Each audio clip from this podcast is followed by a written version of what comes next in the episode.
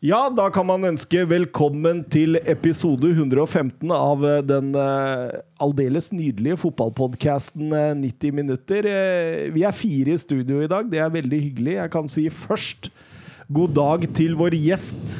vår faste gjest i EM, Tor Kjetil Mårdalen. Jo, tusen takk. Det er hyggelig å få lov til å komme tilbake. Nå blir det vel hat trick eh, for min del. Ja, det, det, det begynner å bli rutinert podcaster, du nå. Ja, nå vet jeg snart at jeg må snakke inn i mikrofonen og sånt, så det begynner å, begynner å nærme seg nå. Begynner å lære, begynner å lære. Jeg syns det er veldig hyggelig å ha deg med. og... Eh, og, og, og, du blir jo med så sant ikke din bedre halvdel eh, føder, er det ikke så? Jo, det er termin på torsdag, så Så tirsdag kan, være, kan se stygt ut for tirsdag? det kan se stygt ut. jeg, jeg, ser den. Det er, det er, vel sånn Noen går vel over, gjør de ikke det? litt? Jeg har hørt at de flesteparten iallfall ikke føder på termin, så det kan jo fort hende jeg må fly ut eh, døra her. Og, det hadde vært gøy. Det hadde vært gøy. Ha det! Ja. Gratulerer! Får håpe jeg gjør en bedre jobb i så fall enn Radetsjkij med å ta imot. Eh, du da, Mats Gravvold. Du, du venter ikke barn? Nei, ikke som jeg har fått med meg, i hvert fall. Eh, så her, jeg blir ut dagen uansett, i. Ja, men det er godt, for du var ikke med ut dagen eh, forrige episode? Nei, jeg har ikke det. Nå er jeg barnefri og alt, så nå kan jeg være Altså, jeg har ikke bikkjefri, da, så jeg kan ikke være her så lenge, men uh, vi blir her så lenge vi holder på, i hvert fall. Alltid et eller annet i livet ditt. Det er alltid eller. Og Søren Døpker. Hei. Hei. Eh, alltid hyggelig å ha vår faste tysker. Jo, takk. Ja, hyggelig å være her. Eh, og, og, eh, bare, bare, for å starte med det. Eh, er Yogi Løv bedre enn du tenkte? Dette ser jo bra ut nå. Jeg, sy jeg syns uh, mot, mot, Portugal var en uh, positiv overraskelse. Uh, og ja, men mot Frankrike òg. Ja, for den var ikke gærne mot Frankrike. Nei, det var ikke gærent, men jeg syns jo han overvinner sin egen stahet mot Portugal. Selv om han starter med akkurat samme elve, at han finner den riktige taktikken og egentlig gjør en god del av det stikk motsatte av det som ikke fungerte mot, uh, mot Frankrike, det han slutta med, og funnet andre løsninger mot Portugal. Og det er definitivt veldig positivt, fordi den staheten hans det har jo vært, uh, har jo vært et problem. Bra, bra, bra. bra. Og så er det til slutt da meg, Thomas Edvardsen, som fullfører uh, Det er kvartett det heter når vi er fire. Ja, kvartett. Ja, kvartett i rommet. Kvintett. Kvintett, ja. ja, ja. um, vi fikk et spørsmål til Søren her fra Jonathan Hobber. Eh, som tysker, blir Søren dratt mot bobil, camping, grill og pils på sommeren? Ja, grill og pils i hvert fall. det er jo alltid digg. Men du har vært i bobil? Du jeg har vært i bobil. Ja. Jeg var to, to sommerferier på rad i Nei, jeg var, jeg var 13 og 14, tror jeg. Da vi eh, reiste rundt med bobil i tre-fire uker i Norge. Kom opp til Tromsø.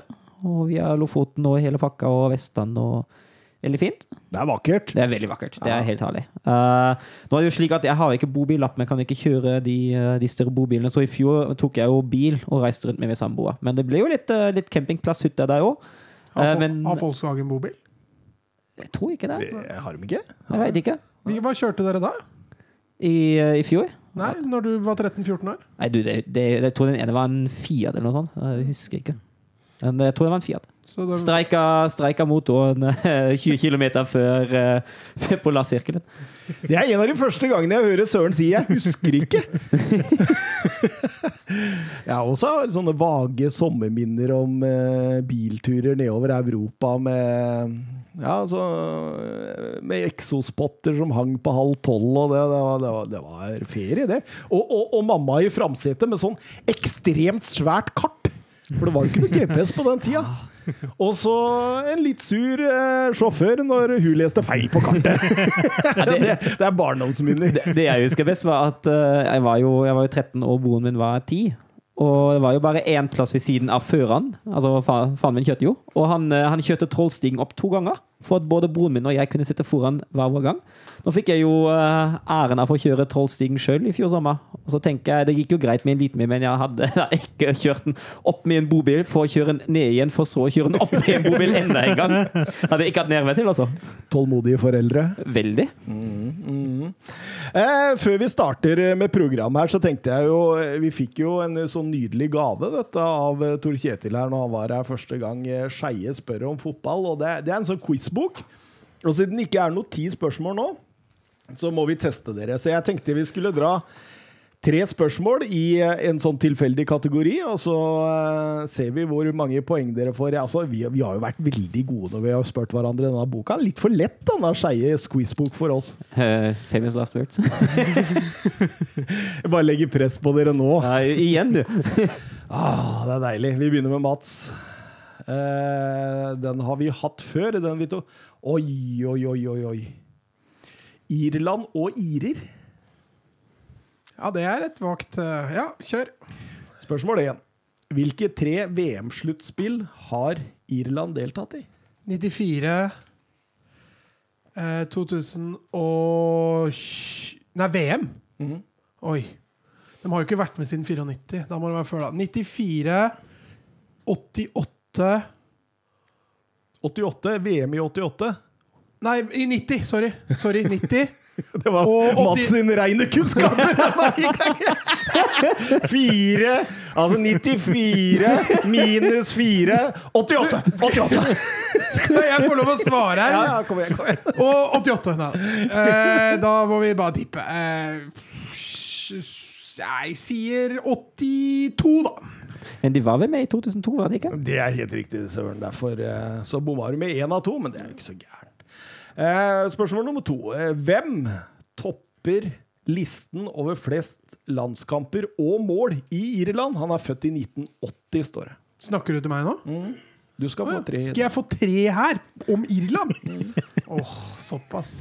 Skal vi Han topper Både for flest landskamper og mål for irske landslaget. Han er født i 1980. Han er fem år eldre enn meg. Kan det være Robbie Keane? Ja, det er helt riktig. Og for hvilken klubb spiller John Egan, David McAldrick og Callum Robinson for i sesongen 1920? Uh, Sheffield United? Ja nei. Det er liksom det, det, det, det er, eh, Du er nær på tre, men du fikk to. Ja, jeg bomma på den Ja. ene året i Irland. Ja, det var det. Da er det Tor Kjetil. Skal vi dra Det er norsk eh, fotballgeografi. Ok. Hva heter laget fra Ulsteinvik som av flere anledninger har spilt i øverste divisjonen i norsk fotball? Hødd IL, kan det være det? Eh, Det kan være det. Det er helt riktig. Hvilket lag er det HHV? Hva betyr det? Henholdsvis. Henholdsvis. Ja, bedre. Bra at tyskeren lærer meg! Jeg må bare få matten min! Henholdsvis nordligste, sørligste, vestligste og østligste som har vunnet den øverste divisjonen i norsk fotball. Eh, Sa du nå nordligste, østligste, vestligste? okay. Og eh, sørligste. Er dette, Det er denne, hele boka, kompasset, rett og slett. denne boka blei den lagd um, Det var I 1920 hvert fall etter 20. Så. Ja, for nordligste må jo være Bodø-Glimt. Ja, det tror jeg ikke det er. Så da kan du gå Dette var før Bodø-Glimt. ok, da er det vel eh, Rosenborg. Det er riktig. Da har du nordligste. Eh, vestligste, hvem er mest vest av Brann og Stavanger? Mm, Jeg, jeg tipper Brann, jeg. Det er helt riktig. Eh, Østligste. Østligste. Uh, å, finnes det eh, Øst, øst, øst eh, Det er det Er det Er, er det, er det Lillestrøm sportsklubb? Der har du feil. Det er feil. Det er feil. Der er Moss. Moss Men tar du den eh, sørligste? sørligste. eh, For eh, er det da Start? Det er helt riktig. Eh, nummer tre. Fra hvilken by kommer Fløya? Fløya. Uh, å, nå står det helt stille. Jeg tipper at de kommer fra Bergen. Tromsø. Ah, er, Ja, ja, så okay. det er, det er, det er Mats leder enda, altså. Fader. Skal vi se. Og du, eh, Søren, får da storskårere. Oi. Fy flate, ass! Hva er det som skjer utafor her nå?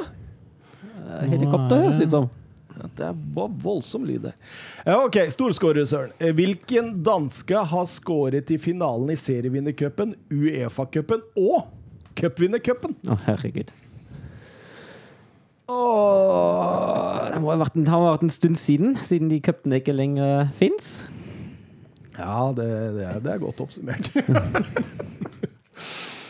Er det Løydrup, eller er det Lerby? Eh, ingen av dem. Det er Allan Simonsen. Ja, OK. Det er greit. Eh, nummer to. Hvilken klubb skåret Svein Mathisen alle sine 106 mål for i norsk Mats! Ja, jeg òg til og med veit den. Nei, jeg har ikke peiling. Jeg vet ikke hvem er Mathisen er engang. Det er faren til Jesper Jesper. Mathisen. Det må være Start, da. Ja, Får han for den? ja, ja, selvfølgelig får han for den. Er med hint, ja. Ja, men, han har jo svart feil en gang allerede. Ja, men Da er han jo likt, da. Nei, fordi Ja, ja, det er ja, men jeg, jeg, jeg, innbilte meg at du har fått liksom eh, to riktige og to tredeler. Ok, ja, men det kan, vi, fått- det kan vi godt stå ved. Jeg er enig i det, Thomas. Eh, Hvilke to deler rekorden for flest hat trick i Champions League med åtte stykker hver ved enden av 2019-sesongen? Ja, Den ene må jo være Cristiano Ronaldo. Så tipper jeg at den Er det så enkelt at det er Ronaldo-messig? Ja, det er det. det, er det. OK, Mats. Du får ingenting annet enn heder og ære, men du, du, du plukka mer eh, mest poeng, altså. Ja, takk. takk. Ja. Er du fornøyd? Eh, nei. Jeg må jo, jeg, det betydde jo tydeligvis litt, da, siden jeg klaga så fælt på at Søren gikk hit. Men eh, Ja, jeg, jeg har hørt om de der gule og røde korta Søren skal ha med i studio lenge nå. Så det Ja, De har ikke vært nødvendig lenger, da. har, har vært så god stemning her, vet du. Nei, vi kjører intro. Messi surging forward with real menace here. Brilliant from Messi.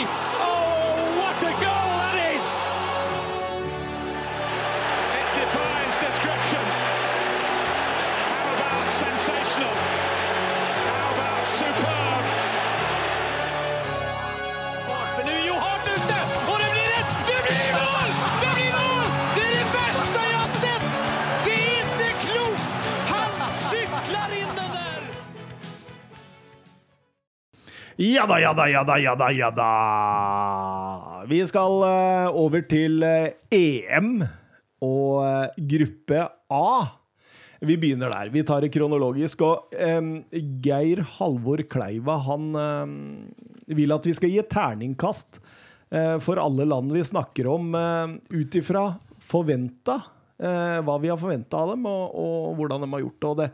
Vi kan jo prøve å huske det gjennom hele. Eh, prøve i hvert fall. Alle fire gjør så godt man kan. Men altså, vi har lova Geir Halvor Kleiva ting før, hvor det gikk litt på. men uh, vi, vi prøver, eh, Geir Halvor. Vi, vi kan jo begynne med Tyrkia. De, uh, terningkast én. Ja, faktisk.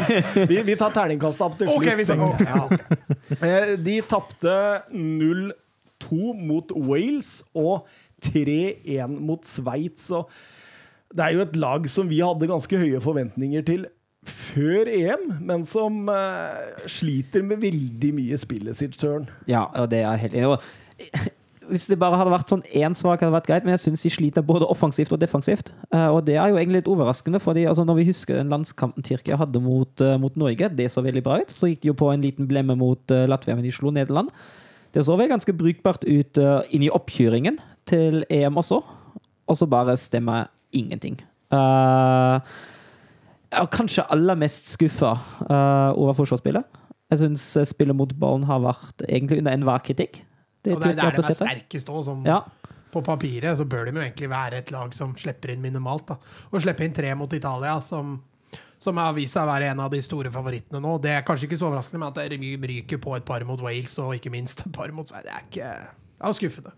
Mm, mm, absolutt. Det, det, er, det er et eller annet med balansen i laget, syns jeg, som ikke er helt heldig, Tor Kjetil. Ja, eh, balansen Jeg syns relasjonene i det hele tatt sitter veldig dårlig. Og det virker ikke som de var godt nok forberedt på EM, rett og slett. Så jeg var med på Tyrkia-toget før EM, og er vel eh, skuffa nå, for å si det sånn. Offensive spillere har også vært dårlige. vet du. Eh, Shalanoglu, eh, Eh, Under har jo kommet inn og vært, han har jo kanskje vært en av de En av mer de der, eh, ja. positive. Eh, sånn at altså, de, de stjernene til Tyrkia har ikke slått til, rett og slett.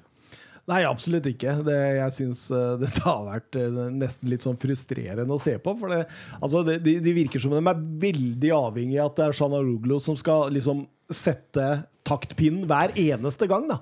Og, og svinge den rundt. Og det, det, det, det virker noe forknytt, alt som har, og alt skal liksom opp til Yilmaz. At det er han som skal Men eh, jeg, jeg synes jo det er så rart, fordi Hvis man ser den Norge-kampen, da kom jo Yilmaz møtende hele tida. Så utnyttet de rommet som han rev opp i. og Det var gode motsatte bevegelser og eh, godt samspill. og Man var ikke avhengig av som du sier, én en Chalanolo, men hele laget gjorde på en måte det offensive. Men tror du han har vært litt påvirka av eh, overgang og sånn, eller?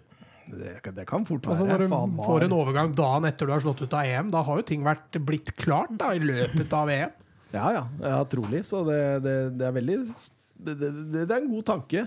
Eh, jeg syns dog de har litt uflaks mot Sveits.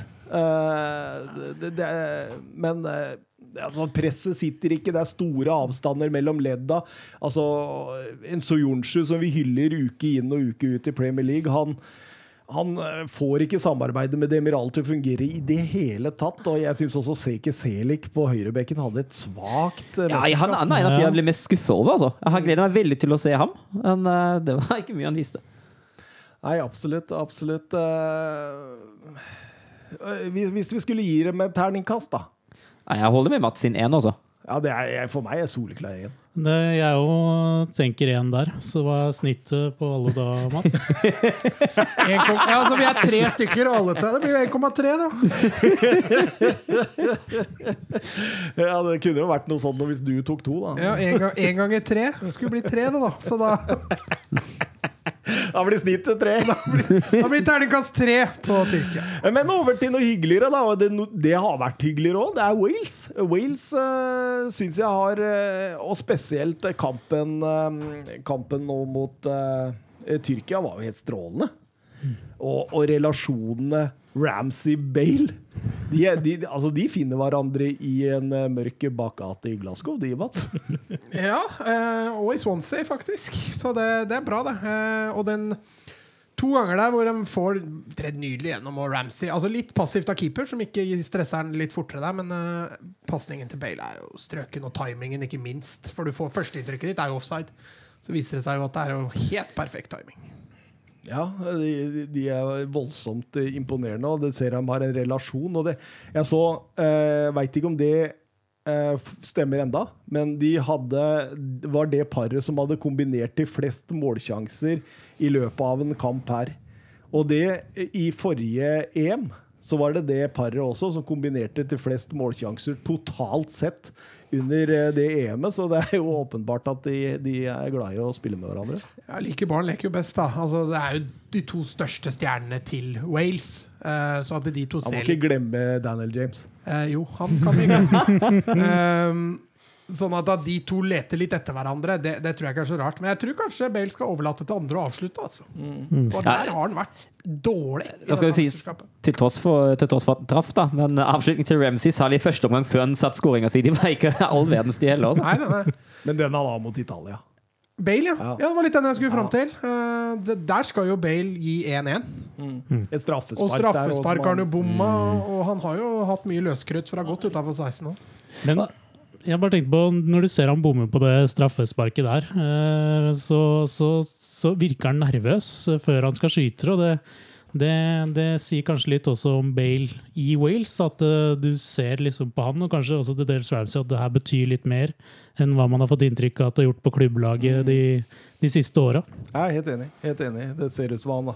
Han men tar han- noen sånne pus som er liksom At Bale prioriterer Wales foran klubblag, det, har, det er jo ikke nytt. Det, de har en flagga Det Det har en flagga sjøl. Altså, det er golf, og så er det Wales. Det er, det er den rekkefølgen. Var det ikke Wales Golf? Eller var det Golf Wales? Nei, det var Wales Golf. Og var det det, ja? Ja, Ja, ja. ja men da skjønner jeg i hvert fall han er nervøs. Se for deg hvordan han er når det er golf i Wales. Da, da må det være helt uh, konge.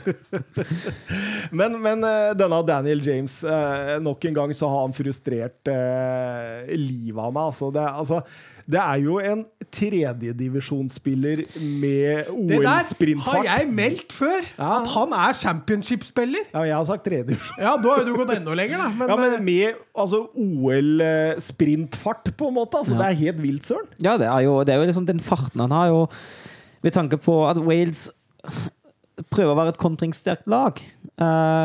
Ja, det gir jo mening å ha en spiller med fatt, men det hjelper ikke når han ikke får gjort noe, noe med ballen. Det var vel mot, var det ikke mot Tyrkia nå, så, slå, slå et sånn helt elendig innlegg der spilleren i midten står helt blank, og han klarer å slå den i hytt og pinne langt ut, langt ut eller? Det var mot Wales, mot, mot Tyrkia. Ja, stemmer det. Men eh, samtidig, i motsetning til eh, Tyrkia, da, så syns jeg vi ser en lagmoral her. Vi ser en gjeng som kjemper for andre. Man ser eh, defensivt som faktisk fungerer. Altså Både Davies, Memphon og, og, og Roden har jo vært strålende. Jeg syns Roden har vært enorm, egentlig. Så det, det ser veldig bra ut. Eh, Litt synd med at denne Ampadu røyk på et rødt kort. Det var litt strengt, eller? Litt strengt, men uh, kan fortsatt forsvares, tenker jeg. Ja, fordi altså, Grunnen til jeg mener det er strengt, det er at det akkurat den taklingen der har gitt gult kort så mange ganger tidligere i mesterskapet. Var det ikke det som ga straffe Var det Dumfries, blant annet. Ja. Ja, en ganske lik situasjon. Mm. Helt riktig. Men eh, skal vi sette et terningkast på Wales, hva vil vi si da? Ja, men Ut ifra forventninger må man jo tenke, og, og komme seg suverent videre. Som andreplass i den gruppa, da jeg vil jo si at det er en femmer, ja. Jeg meldte jo Wales eh, ganske Ja, jeg og deg var litt enige om Ja. at de kunne tukte Sveits, men Søren var ikke helt med på den. Nei, så ut ifra mine forventninger vil jeg si en klar femmer. Ja, Da går jeg ned på fire, jeg, da, siden jeg forventa litt mer av dem før. eh. Jeg er et sted mellom fem og fire. Hva blir det, av, Tor Kjetil? Hva Snitt av, det vi akkurat sa nå? av uh, fire pluss fem pluss fem? Ja, han var mellom fire og fem, Jeg er fire og en halv igjen. da. og jeg er fire og han er fem. Hva, hva er snittet da? Nå sliter du, Tor Kjetil. Nå- hvor lang tid har dere nå? Bare, bare gi meg noen, noen sekunder her. Over til Italia. Oi, oi, oi. 30 strake seire. Eh, Nei, nei, kamper uten tap. Ikke sluppet inn på de siste elleve. Man må tilbake til perioden 1935 til 1939 for å finne lignende tall i Italia. Vet du hvem som var den siste som var skåra mot Italia? Det er jo sikkert en Wolfsburg-spiller. Nesten. Det var Donny van de Beek Ja, ja. i oktober 2020, var det vel? David Klasen 2-0. Ja. Eh, Vet du hva når den sist tapte en tellende match? da? En tellende match. Ja. Det har vært i eh, kvaliken til, eh, til Nei, jo, kanskje i kvaliken til VM 2018. Nei da, det, det, det, vi skal helt tilbake til Confederation Cup mot Brasil. Eh, men, men, men det er dog, når jeg tenker meg om, en, en hvor de har scora. Altså, den, de, har, de må helt tilbake til 2013 Confederation, Cup mot Brasil for å finne en kamp de har scora, men tapt i. Det er ganske heftig. Å, såpass? De var jo ikke i VM engang i 2018. Nei. Nei, det, det, det er voldsomme tall. Så, men samtidig, da. eh, Et voldsomt lag, egentlig.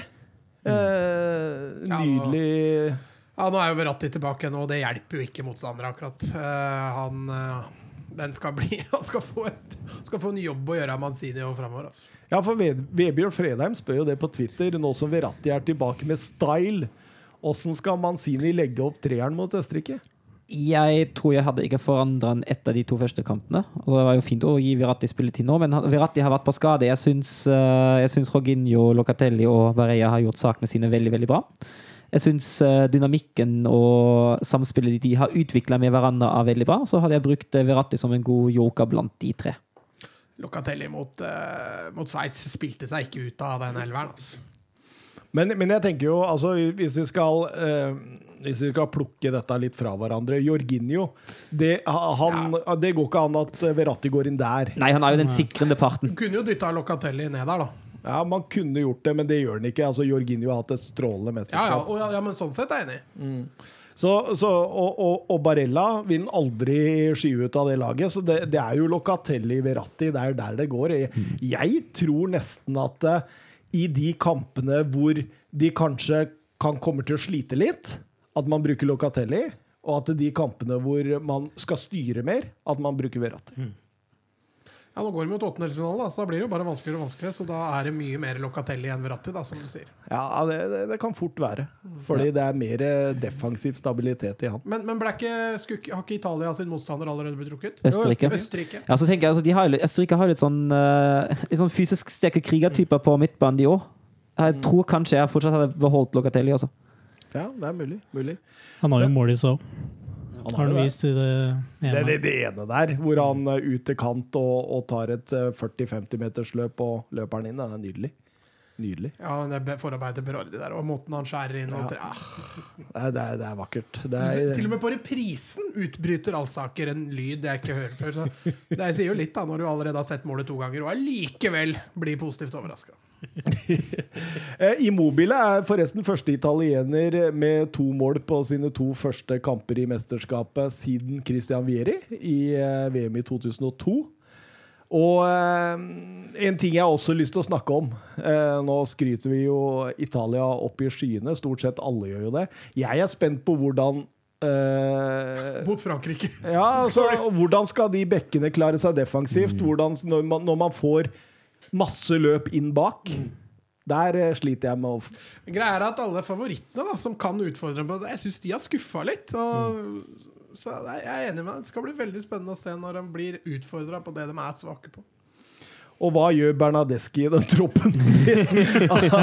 altså, der har du én svarteper i en, eh, i en, eh, en god, god tropp, altså. Ah, Han har jeg ikke sett god siden Fiorentina-tida. Han er helt ute. Han har vi drevet og mobba ganske lenge nå. Derfor tenkte jeg jeg skulle fortsette, for nå har vi begynt med Daniel James. Og så kan vi fortsette med Bernadeschi. også. Nå har vi én hakkekylling i hver gruppe. Ja. Harry Maguire Nei, han har ikke spilt ennå. Du, det er en annen Harry som nesten kvalifiserer seg til det, altså, i England. Ja, ja, det kan godt være. Alle i verden og programleder tar han! Kan glemme. Søren, nå må du roe ned. Men hvorfor i alle dager skal vi ta han? Eh, men eh, også litt artig dette med at Manzini eh, velger å bruke hele troppen, in- inkludert Sirigu. Unntatt én. Ja, Ja, unntatt Meret, Alex. Meret, tredjekeeper. Men det leste jeg jo var på grunn av at han var med i 92. Kan det stemme? Sirigu. VM i 92, eller hva, Mats? Nei, det blir jo EM, da, da Danmark eh, vant, Thomas. Eh, og han fikk ikke spille et eneste minutt. Og det var liksom hans store mishappening. da Ja. Og at han nå gjør opp for det med spillere. Jeg syns jo det er kult gjort. Ja, ja, når, når du til, kontrollerer gruppa di mm. til de grader, og allikevel tillater deg å bruke samtlige spillere, det, det er sterkt. Og så tror jeg det kan være et lurt grep på å la alle bli involvert. Eh, Det, det virker jo som det er god harmoni i Italia, og jeg tror eh, det at alle føler at de er med og bidrar her, det, det skaper bare mer harmoni. ja, helt klart. Helt klart. Terningkast. Ut ifra forventningene fem. Vi forventer jo at de var et godt lag. De presterte veldig bra. Eh, Bedre enn forventet, etter min mening. Det har blitt morsommere enn forventa. Men Ja. hva, skal du, hva, hva skal til for at Italia hadde fått seks? nei, da må det være et lag med litt lavere forventninger som presterer noe volds, overpresterer så, noe så et lag med høye forventninger kan ikke få seks? Jo, men Hva må til da for at Italia skal få seks? Nei, eh, vi, altså som Thomas sier, Jeg melder seks, i hvert fall. som Thomas sier vi, har, vi har sett noen svakheter i det italienske laget også, så det har ikke vært bare Hva sier man? Grønne skoger? Jeg er enig i det. altså. Jeg er veldig spent på de Jo, men Selv om vi kanskje har merka noen svakheter, så har de jo ikke blitt utfordra på det. Neida. Og da er det jo vanskelig å trekke dem for det heller, hvis du skjønner hva jeg mener. Ja, jeg står ved min fem av oss. Ja, det gjør jeg. Fem. For meg er det klink seks eh, på alle punkter de Men, nasjonal. men nå blir det lett å regne gjennomsnittet. For det blir 5,5 nå. Oi, oi, oi. Mats sitter og tenker ennå. Tenkte fader, der fikk du jo lett en! ting! Det var skikkelig dårlig gjort. Vi går over til Sveits. Eh, Ja, eh, Jan Sommer spilte, spiller i hvert fall bra. Ja, det gjør han. Og Sherdan Shakiri våkna opp midt i mesterskapet der. Ja, Han skjerpa seg nå den siste kampen. Det var jo litt, eh, litt diskusjoner i Sveits som jeg forstår det, om Shakiri og Seferovic skulle få lov å spille mot Tyrkia, med tanke på det de har prestert hittil. Men eh, Ja, men det, altså, vi, har, vi, har stedet ja, vi har jo snakka om det med hvis, du tar Shakiri Ja. ut av dette laget, hva skjer da? ja, det, det ser vi jo at uh, Sveits offensivt er ekstremt avhengig av Shakiri. Eh, og når han har en god dag, da flyter det mye bedre enn når han har en dårlig dag. Så er det jo kanskje litt spørsmålstegn ved motstanderen og og Ja. Det blir en veldig jevn kamp mot Tyrkia.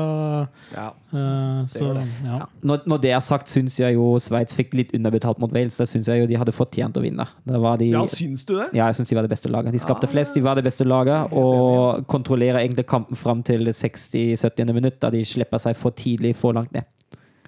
Ja, jeg, jeg, jeg følte Wales hadde god kontroll på Sveits, ja, og jeg følte at uh, Italia vaska gulvet med Ja, Sveits. det er, jeg- og det er jeg helt enig i. Og det er litt artig, ja. for Sist Sveits vant mot Italia, var for 28 år siden. Da vant de 1-0 i Bern, og det var en kamp Roberto Manzini spilte. Oi.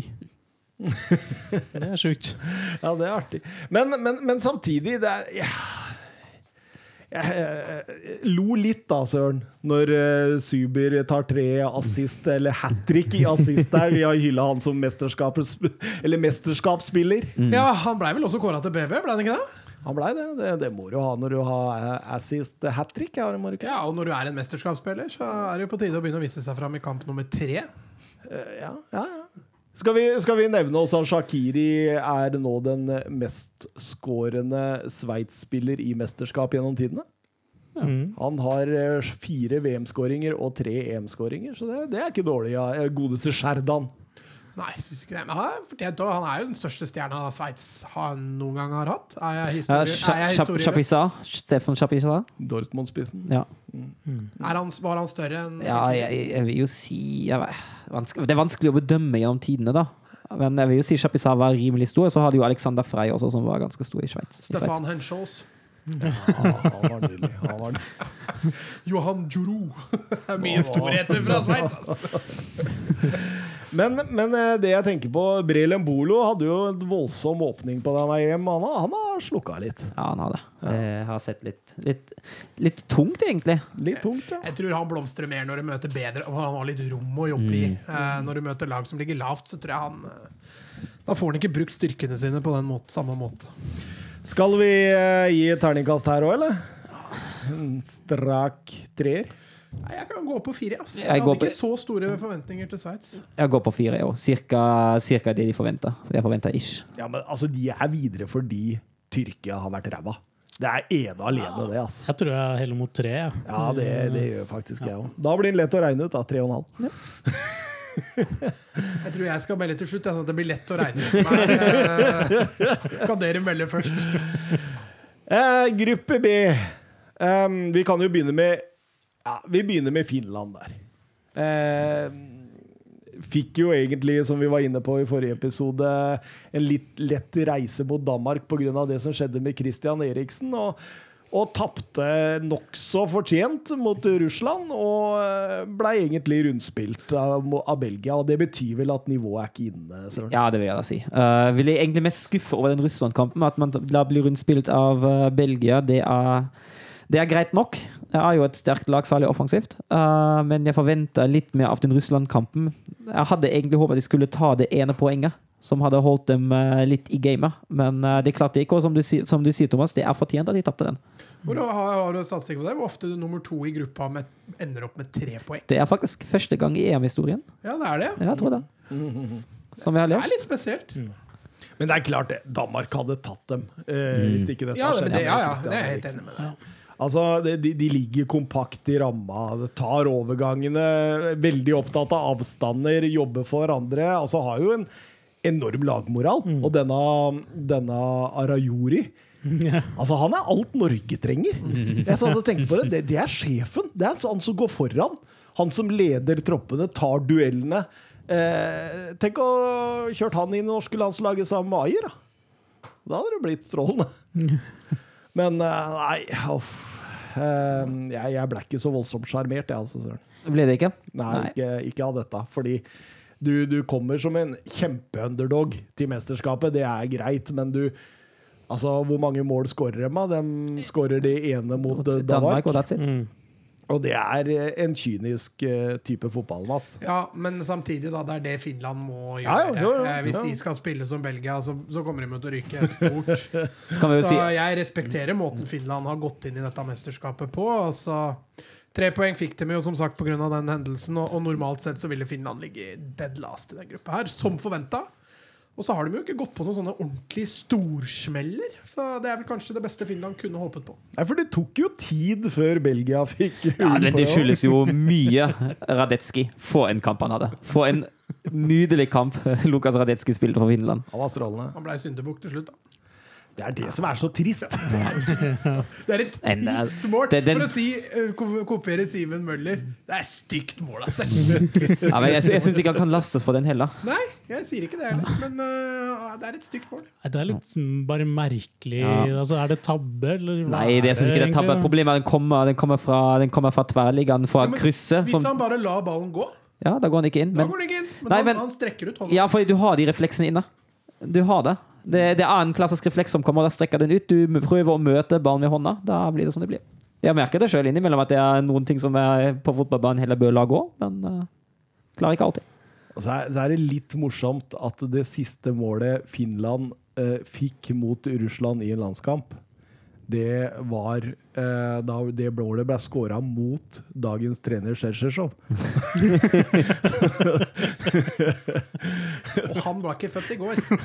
Så du nå han eh, tok colaen der? Det var Ronaldo kom vel liksom og Drink water. Så kom han. Luk, luk, gluk.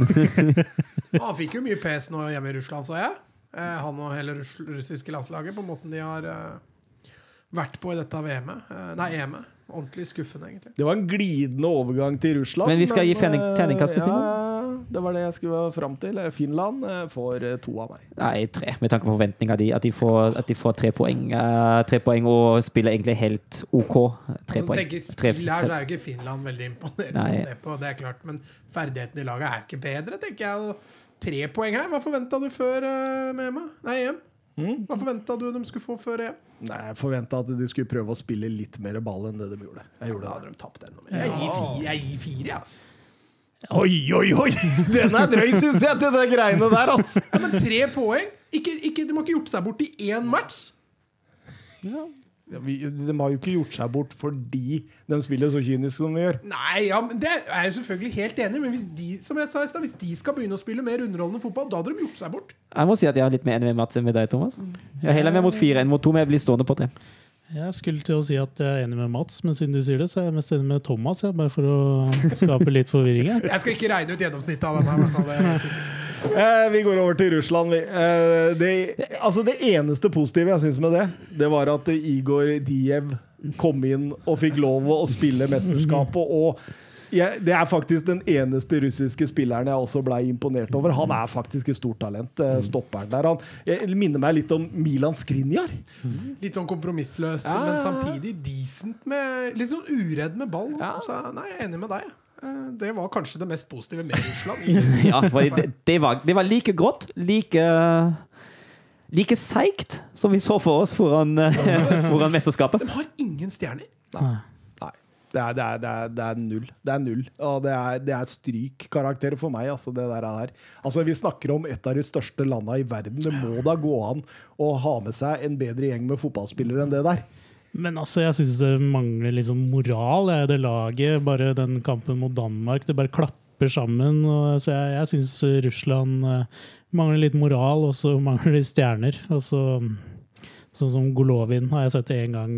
Ja. jeg kom på i mesterskapet, liksom. Ja, ikke sant? Han hadde et par raid mot Danmark Mm. der og sånn som kunne blitt scoring, men det, det, det, det er så nitrist. Og, og Chuba òg, han Jeg har sett den bedre, altså. Jeg har det.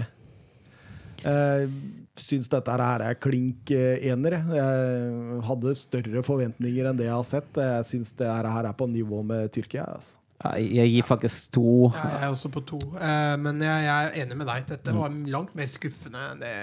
De er jo Altså, de er jo med i kampen om avansement der fordi også Danmark og Danmark skuffer kanskje litt grann av det som skjedde. da så, Hadde det ikke vært for det, så hadde jo ikke Russland vært i nærheten av å bli nummer to i den gruppa. her. Ja, De får jo- rett og slett buksevann av Danmark. jeg henger meg på to, jeg, fordi de får tre poeng. Dere må bruke skalaen, vet du, gutter. Ja. er derfor dere, dere, dere har to til fire, dere. Eller to til fem. Jeg har gitt to seksere, jeg! Slapp av, du nå. Jeg har gitt en ener, jeg òg. Jeg husker ikke hva jeg gitt. jeg. Jeg tenkte jeg skulle komme meg i land med den, at folk faktisk ikke husker hva de har gitt. Um, Danmark? Det var jo gøy. Voldsom opptur etter Eriksen. Jeg syns det første omgang mot Belgia var fryktelig bra. Eh, Jeg syns egentlig Russland-kampen eh, sett under ett var veldig bra. Eh, Så det har, det har kommet. Så det virker litt som at de reagerer på, på, den, på det Eriksen-sjokket. Vi har virkelig kjempe for hverandre, være der for hverandre og opptre som et lag. Og bare den moralen som, som du savner hos Russland, den er i aller største grad til stede i Danmark. Ja, Jeg er helt enig. Eh, Den Finland-kampen bør egentlig bare glemmes og ikke snakkes for mye om. Og så kan vi diskutere Belgia-kampen, og jeg er enig med deg. Første gangen er strålende. Belgia er rett og slett bare så godt lag at Danmark greier ikke å holde det der oppe i, i 90 minutter. Eh, og mot Russland er det nesten enveiskjøring hele matchen. Så en, en solid eh, Kan jeg si mellom fire og fem? Men- men- jeg kan men- egentlig vippe over på fem, jeg, hvis Men- vi dropper den Finland-kampen. Men, men det jeg tenker, da, eh, det er jo det at vi var jo bekymra for hvis kreativiteten til Eriksen faller bort. Men det har jo en, en favoritt hos Tor Kjetil, faktisk. Du nevnte den uh, før EM her. Ja, Mikkel Damsgaard. Han har Strålende, altså. virkelig steppa opp og tatt, uh, tatt plass i det laget der. Det virker som han har vært i fengsel i, i, i Sampdoria. At eh, Ranieri har holdt det under så trygge, steile rammer at eh, han ikke har fått utfolde seg. Og nå er det liksom sånn OK, kjør kreativitet. Og nå blomstrer han jo for fullt. Han drar av spillere, han eh, passerer, han, han står bak det, alt det kreative. Og så har du en uh, Tottenham-midtbanespiller der på, på, som Altså, han spiller et mesterskap nå, altså. Han er lederen. Høyt nivå. altså Etter det straffebom mot Finland har han vært helt enorm. Og Høibjerg er jo en sånn spiller som blir bedre når han får på seg sånn turban på huet. Det er, det er noen spillere som du bare føler blir litt bedre, og han er en av, en av de typene der. Da må du starte kampen med det, egentlig. Det ikke, At ikke, nikker ned eller et eller annet. det er ikke en kvadratmeter i parken som ikke er blitt berørt av, av Høibjerg i dette mesterskapet. Altså, for en kamp. Og han har tre assist! Tre assist! Det er like mange som han hadde i hele sesongen for Tottenham. Ja. Sier litt om rollen han har i Tottenham. Kanskje. Ja, kanskje, kanskje. Men Burde eh, dytte den opp i tieren. Og jeg syns det er mange, mange bra spillere i det danske laget. Joakim Mele, som er eh, helt strålende på bekkene. På feil bekk, egentlig. Og, og eh, Andreas Christensen, det skuddet han Den går rett på keeper, men jeg tror ikke han enser at han Det er så hardt, altså, altså ser han det ikke, stå og spille i veien nå. Ja, jeg tror keeperen fortsatt leiter etter den. Eller så du den memen når han fortsatt driver og svømmer? han svømte tilbake til Russland, han. Så vi var jo spent på svaret til Danmark etter Eriksen. da. Blei det, ble det at de falt sammen, eller henta dem opp en urkraft? Jeg vil heller si det siste. altså. Ja, jo, jeg er helt enig. Spesielt første omgang mot Belgia Ja. viser jo nesten det, føler jeg. Da, da spilte de på rein vilje. Og eh, når Paulsen setter 1-0 der eh, etter 99 sekunder det nest raskeste EM-målet gjennom tidene. Så, eh, så Hvem var det raskeste? Nei, det veit jeg ikke. En eller annen ukrainer eller noe. Davor var det Sukker? Nei, det er VM, det, kanskje. Hakan Sukker. Nei, det er en av de Sukker-gutta som Ja, det, det er Hakan Sjukur. Hakan Sukker, ja. Ja. Det er jo han som, eh, han som er i, Ja, han- driver, var- kjører Uber. Den var viska ut, den historien. Han stemmer det. Men eh, jeg klarer ikke å slippe Damsgaard helt. eh, bare tenkte litt sånn jeg, får litt sånn følelsen når jeg ser han nå, at eh, det er litt sånn Det er litt Martin Ødegaard når han slo igjennom i både energi og ureddhet og sånn. Er det lov å si at det er Martin Ødegaard som vi helst ser han burde være? Ja, ja. Han har i hvert fall selvtillit som ikke Martin Ødegaard har. Det ser du. Jeg syns han eh, Nei, jeg er helt enig med deg. At eh, han leverer voldsomt bra nå. Og det blir spennende å se hvordan han tar dette her videre. Han er jo 2000-modell, tror jeg, så han er jo ikke gamle gutten. ja han blei født eh, samme sommer Norge slo Spania. Så Ja, Det burde jo alle huske hva når var, for det er ikke ofte vi slår Spania. Det var 2000. Det var Det var 2000. 2000. Nei, bra. Eh, terningkast fem. Fem har jo. fem. Greit, da! Hva blir snittet da, Mats? Da blir det fem. Den var gratis. Eh, Belgia gjør jo dere må. Og med litt mer. De gjør jo det de må, Ja. litt mer. Og altså, jeg synes jo offensivt ser det veldig bra ut. De slet jo den ene omgangen mot, uh, mot Danmark. Uh, men uh, hvis man Sleit sleit med å score mot Finland. Ja, jo, jo, jo. Da Men hviler de jo litt spillere. ja, så- altså, altså, det, altså Jeg syns jo, jeg synes jo det spillemessige er helt på plass. Uh, altså, det er klart Når man mot Danmark da kan bytte inn en Kevin De Bruyne fra benken, da Da blir nesten feige lag. Han har kanskje ikke følelse i halve ansiktet, men Ja, men for en følelse det er i foten. Ja, jeg flirer litt når først eh, Kevin De Brøne kom inn til pause, og så krydder vi med Witzel og Hazard ja. kvarteret etterpå. Da. Det er ikke lett å være finne da. Og så synes jeg også det er stort at eh, når De Brøne skårer 2-1, at han eh, i, i likhet med Poyan Palo faktisk eh, ta, det, ta, det rolig, vise litt respekt og, og alt det der. Jeg syns, eh, syns både Finland og, og Belgia kommer ut av de kampene og den hendelsen med Eriksen med veldig hevet hode også. Syns eh, stort. Men er Asard, har han spist litt samme frokostblandinga som eh, Gareth Bale, eller? Han eh, virker påskrudd, han òg. Ja, han eh, kan være på vei i form igjen, Mats. Jeg datt ut litt, jeg skjønner for jeg hørte du trykka på PC-en. Det var derfor jeg begynte å peke. Nei, Nå må ikke du ødelegge her. Alt går bra. Alt går bra. Okay. Hva var det du spurte om? Nei, eh, Mener du også at Hazard er bedre nå enn du har sett den i Real Madrid? Eh, du har sett den veldig lite i Real Madrid, og veldig lite her, da. Eh, så det er kanskje litt feil. Men jeg jeg er for så vidt enig. Jeg syns han virker mye mer direkte og på. Men det kan ha noe med formen å gjøre. At han begynner kanskje å få litt form. Det kommer vel en skade snart, da. Ja, rett, rett rundt svingen. Litt sånn som Osman Dembélé. Han skal vel også ha en ferie der før sesongen begynner, så da Da, da, da, Ja, da går det noen Big Mac. Så. Han har bestilt, han har bestilt rom på Mækkern, så det går fint. Men eh, når eh, Torgan Hazard scorer mot Danmark, så er han sammen med Eden kun den tredje brødreparet som scorer i et EM-sluttspill. Eh, har dere navnet? Laudrup. Ja, Brian og Mikael Laudrup også. Og, og det er to brødrepar til. Nei, ett til. De Boer. Ja. Frank og Ronald de Boer. Der er den sterke, sterke, sterke. Eh, noen ord om Jeremy Doku òg, eller? Ja, ser jo, ser jo spennende ut. Uh, Mitt utkasttalent. Han er jo Ja. helt rå.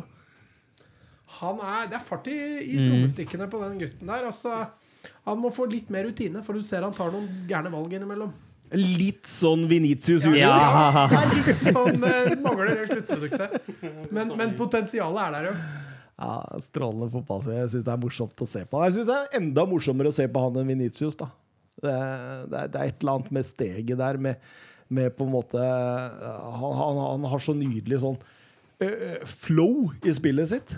Som er, Flyt, da, som vi sier. på. ja, hvis det, gjerne. Gjerne. Eh, terningkast.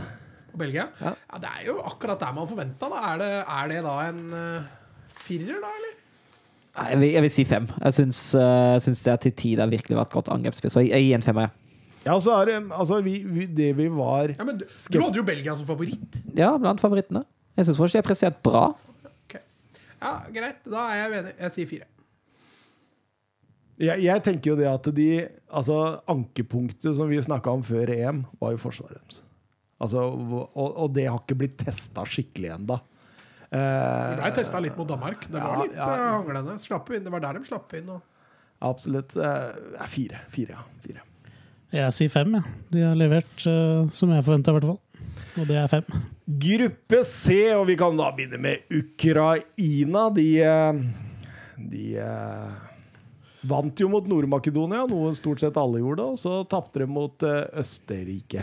Ja, den var jo kanskje skuffende. Uh, fordi det som Altså, Det var off-dag. ja, og det, altså det, som, det som er kanskje det største ankepunktet mot, mot Ukraina, uh, er den balansegangen mellom angrep og forsvar. Uh, de gikk mot Østerrike i den fella at de ble veldig offensive, og så ble forsvaret hvitåpent. Uh, det har man til tider sett mot eh, Nederland, det har man til tider til og med sett mot Nord-Makedonia. Og det ble, blir da mest sannsynligvis deres bane. Nå er de vel ikke helt eh, ute ennå. Finland er vel eh, bak dem, men det kan bli deres bane for å komme seg videre mot som beste tre, da.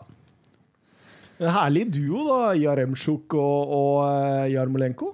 Ja, det så, så jo ekstremt bra ut i første matchen. Og- Ja, i andre òg, for så vidt. Ja, andre òg, for så vidt.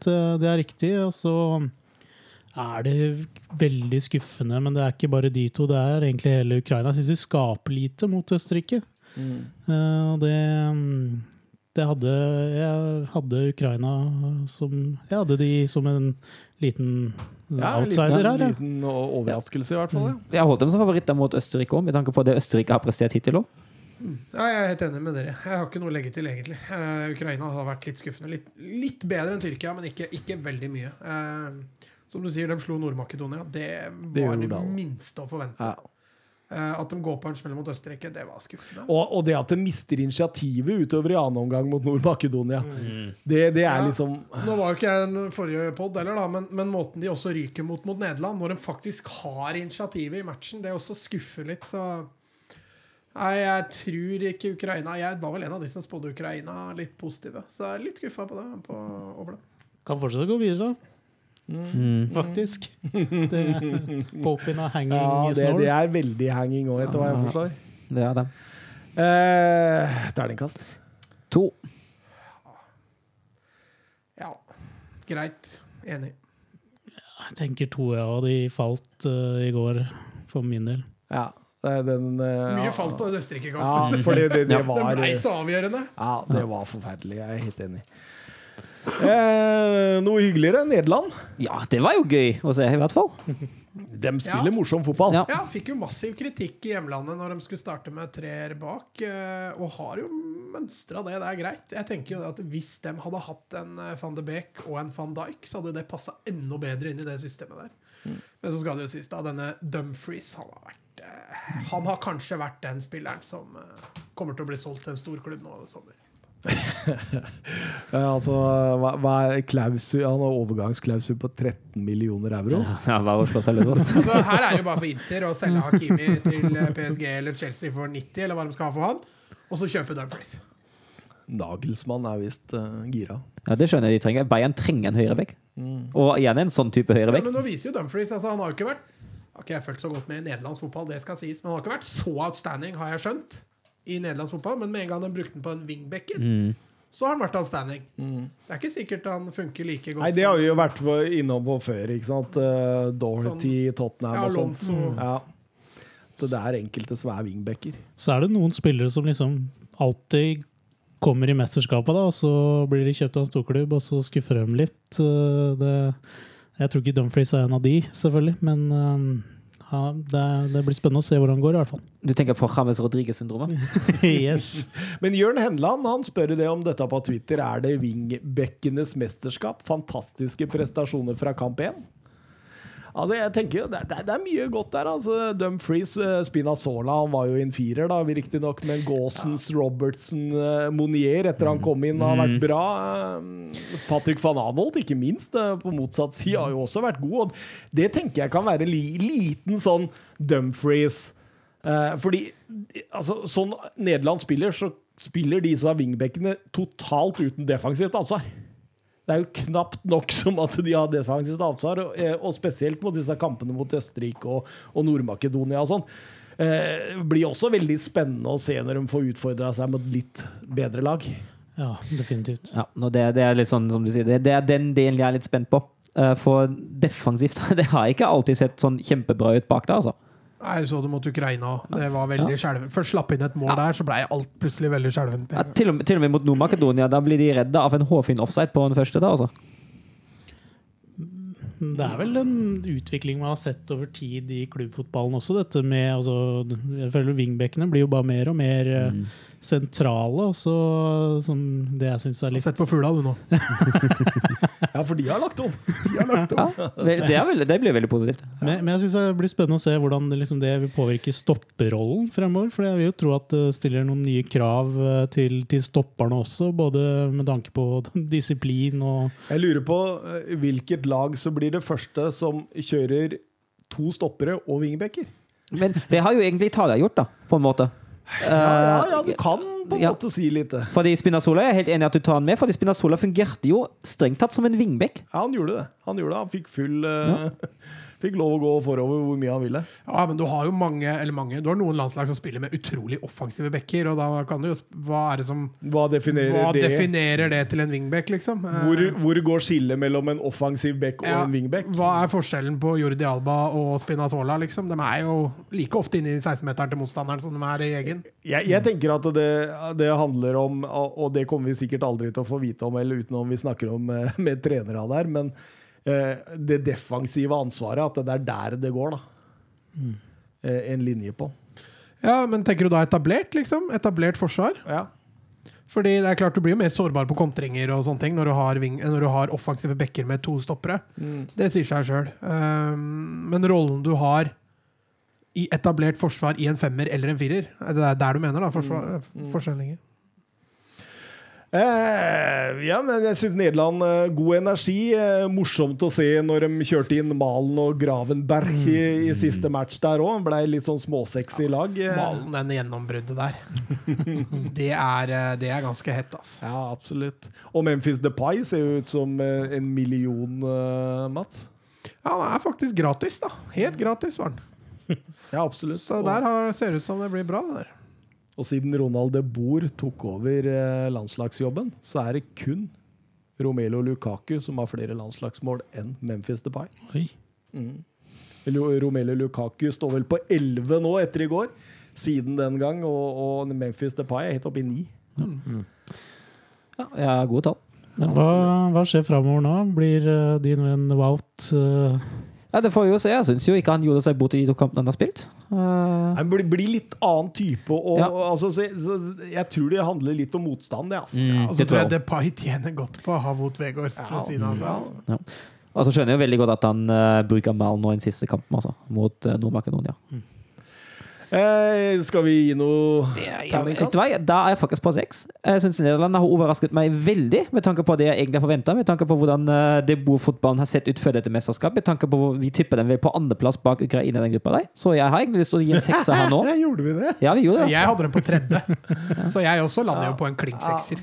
Det? Dette har vært bedre enn jeg trodde. Men, Ja. men jeg, jeg, jeg, jeg tror kanskje vi la litt for mye vekt på Mr. De Boer på sidelinja der. Det kan altså, godt tenkes, altså, men uh, Men, men eh, Frenkie de Jong har vært god i dette mesterskapet. Han har rett og slett vært strålende. Og Vinaldum også, hvis han skal fortsette der han slapp nå i siste kamp, så begynner den midtbanen til Nederland å bli ganske strøken, og så har de da Depay og disse wingbacka. Det ser, eh, det ser veldig bra ut for Nederland, og blir, er i ferd med å spille seg opp som en av de store outsiderne. Jeg tror jeg faktisk heller mot fem jeg, på Nederland. og Det handler også mye om eh, de svakhetene de viste mot Ukraina i en periode der. For de blei, eh, når de begynte å få litt trøkk bakover, da, da, da sank de. Jeg, jeg tror aldri Nederland vinner. Det Nei, det tror jeg ikke jeg heller. Ikke sjans. Nå blir det jo ikke noen sykkeltur, kanskje, da, men da, da, da sykler jeg faktisk ikke med dere. Østerrike.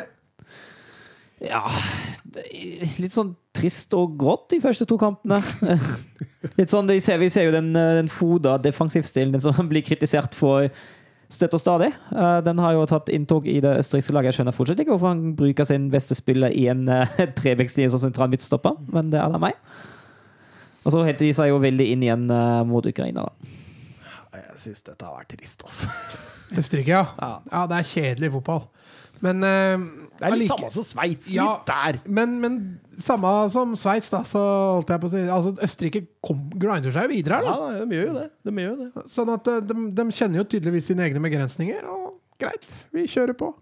Så har de jo altså, De har jo en solid uh, sentral midt. De Ja. har en grei spiss i Kaladzic. De har eh, eh, altså, Jeg tror liksom på en måte grunnmuren i det laget er ganske solid, og at den på en måte trekker, eh, trekker mye fordeler ut av det. Da. Ja, altså hvis du ser, altså Det er jo ni spillere som spiller i, uh, i veldig brukbare bondesigaklubber som du har der, som, uh, som danner hjernen eller hjertet i, det, i dette laget. Der. Så det, det er klart kvaliteten av uh, rent spill, spillekvalitetmessig.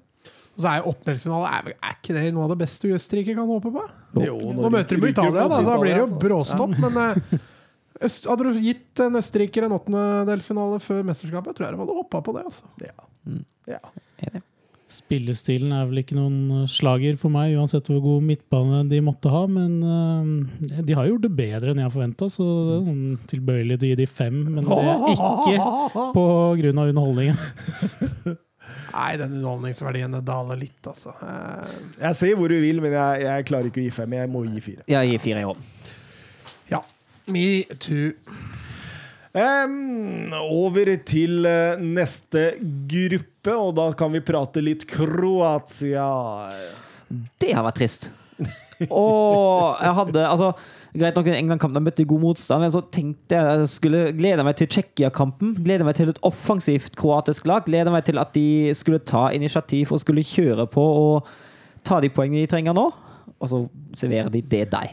Men, men var eh, den albuen til Lovren der, eh, verdens beste midtstopper, var, var, var Nei, det litt var, soft? det var, jeg syns det var litt soft. Jeg, syns, altså, jeg, tenker, jeg tenker hvis han, eh, hvis han blåser han med en gang, er det greit, men at han bruker vadei, det Ja, syns jeg er litt men, Men er ikke, er ikke liksom selve definisjonen på albuebruk at du liksom har den lille ekstra Jo, bak? Jeg egentlig. syns på en måte at han hopper veldig reint opp og bruker henda som en del av Jo, jeg er enig i at øh, jeg syns øh, ikke altså, Jeg tenker Når de først by, bruker VAR, så altså, er det helt innafor å gi straffe. Men jeg, jeg tenker litt som Søren at jeg ikke ville brukt VAR. Altså, han hopper jo opp eh, jeg vil si ganske naturlig. Og så kommer det også Ja, for Schick kommer jo. Ja, han kommer i en ganske god fart eh, inn også inn i duellen, så jeg, jeg, jeg tror ikke Jeg syns den er litt billig. Jeg syns det. Og det la jo et lite grunnlag for kampen. Det gjorde jo det. Jo, men jeg syns fortsatt den første omgang Kroatia har, den er ikke bra, altså. Nei, og så, og så spiller de fem gode minutter i annen omgang, og så, og så dabber av igjen. Og da, det er jo da de får 1-1 ved Perisic. eh, Mesterskapsspilleren. ja, han eh, dukker opp.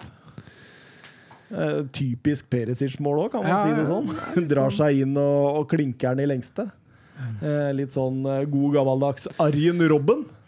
Må ikke glemme at eh, Perisic fikk eh, ti eh, i folkets dom på kampen mot England. Nei, så, stemmer det. det stemmer det. så han tydeligvis i storslag han til Ja. dette EM-et. Og så er han faktisk første kroater som uh, skårer i fire forskjellige mesterskap.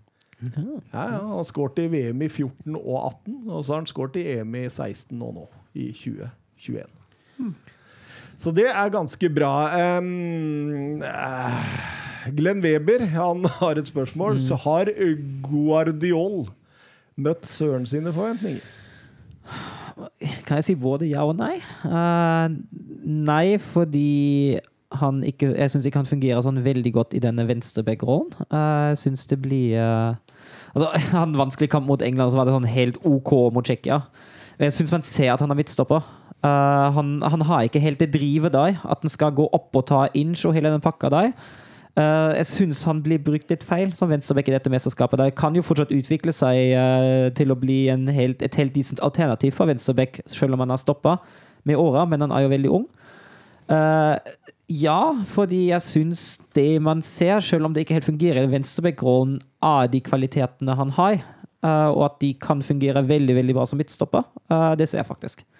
Så nei, nei i rollen han har, ja med tanke på kvalitetene man som, som glimter til, da. Dalic han elsker jo Vida. Han, eh, han setter jo til og med Kaleta Kar på, på sidelinjen for å bruke denne Vida, Mats. Ja, nei, Han har en forkjærlighet, det er det, det er ganske tydelig. Eh, og Vida er en sånn kultspiller, kan vi kalle det litt sånn artig, selvfølgelig, men, men jeg er helt enig. Jeg hadde kjørt Guardiol inn på stopperen hvis jeg skulle brukt den. Og han er den eneste i proffotballen som har blitt bytta ut i pause pga. positiv koronatest. Det syns jeg er ganske artig. Eh, her hadde jeg litt forventninger. Her kjenner jeg at det ikke er fylt eh, helt bra. To, altså. Ja, jeg er helt enig med den toeren. Jeg er jo enig med Tor. Jeg føler det er, vi ser en gyllen kroatisk generasjon som eh, er i ferd med å dø litt ut. Ja. I stemmes. Hva med Tsjekkia, da? Dette hardtarbeidende laget som eh, Altså, det, det, det er mye solid der, altså. Ja, og det er jo, det er jo som du sier, hardtarbeidende. Altså de, jeg syns ikke de spiller nødvendigvis De er ikke nødvendigvis best mot Skottland. Eh, de slipper jo mye til. Eh, men de, de klarer seg, vinner til slutt eh, 2-0. Uh, spiller jo ikke grusomt dårlig heller. Og så spiller de faktisk en helt brukbar kamp mot Kroatia. Der står de godt imot. og altså, det, er, det er en proffkamp mot Ja. Kroatia, jeg. For det, det poenget der, da er de videre, da. Trengte ikke å gjøre noe mer. Og det er jo, altså, jeg hadde ikke forventa at de skulle ta fire poeng i de første to kampene. Og Sosjek og Kral sentralt på midten der. Det er, det er vanskelig å komme forbi der, altså. Det er mye innsats. Det er, slits, det er slitsomt. Ja, jeg snakka litt om Kral uh, før dette EM-et. Jeg har tro på at han kan gå til en større klubb etterpå. Jeg synes han er en Spennende type. Han har, han har både det gjenvinnende i seg, og han har den lille sånn En liten sånn playmaker i seg også. Som uh, Artig type. Altså. Det håret og sånt, så er, kan jo bli en kjæledegg eh, i, i alle våre store fem ligaer, den, Mats. Mm, jeg er helt enig.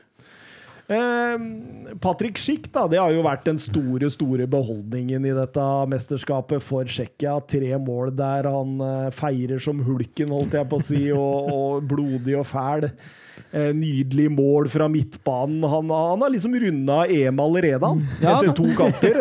Nå spiller han i kveld mot England. Strålende.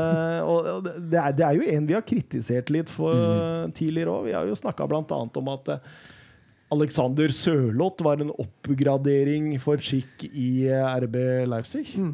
Ja, så hadde han jo den vanvittige skåringa si, da. Eh, Det var gøy. Så dere det klippet når Skjelbæk prøvde å Ja, Rekonstruere så han gikk på en uh, tre, gang, tre ganger i tverra?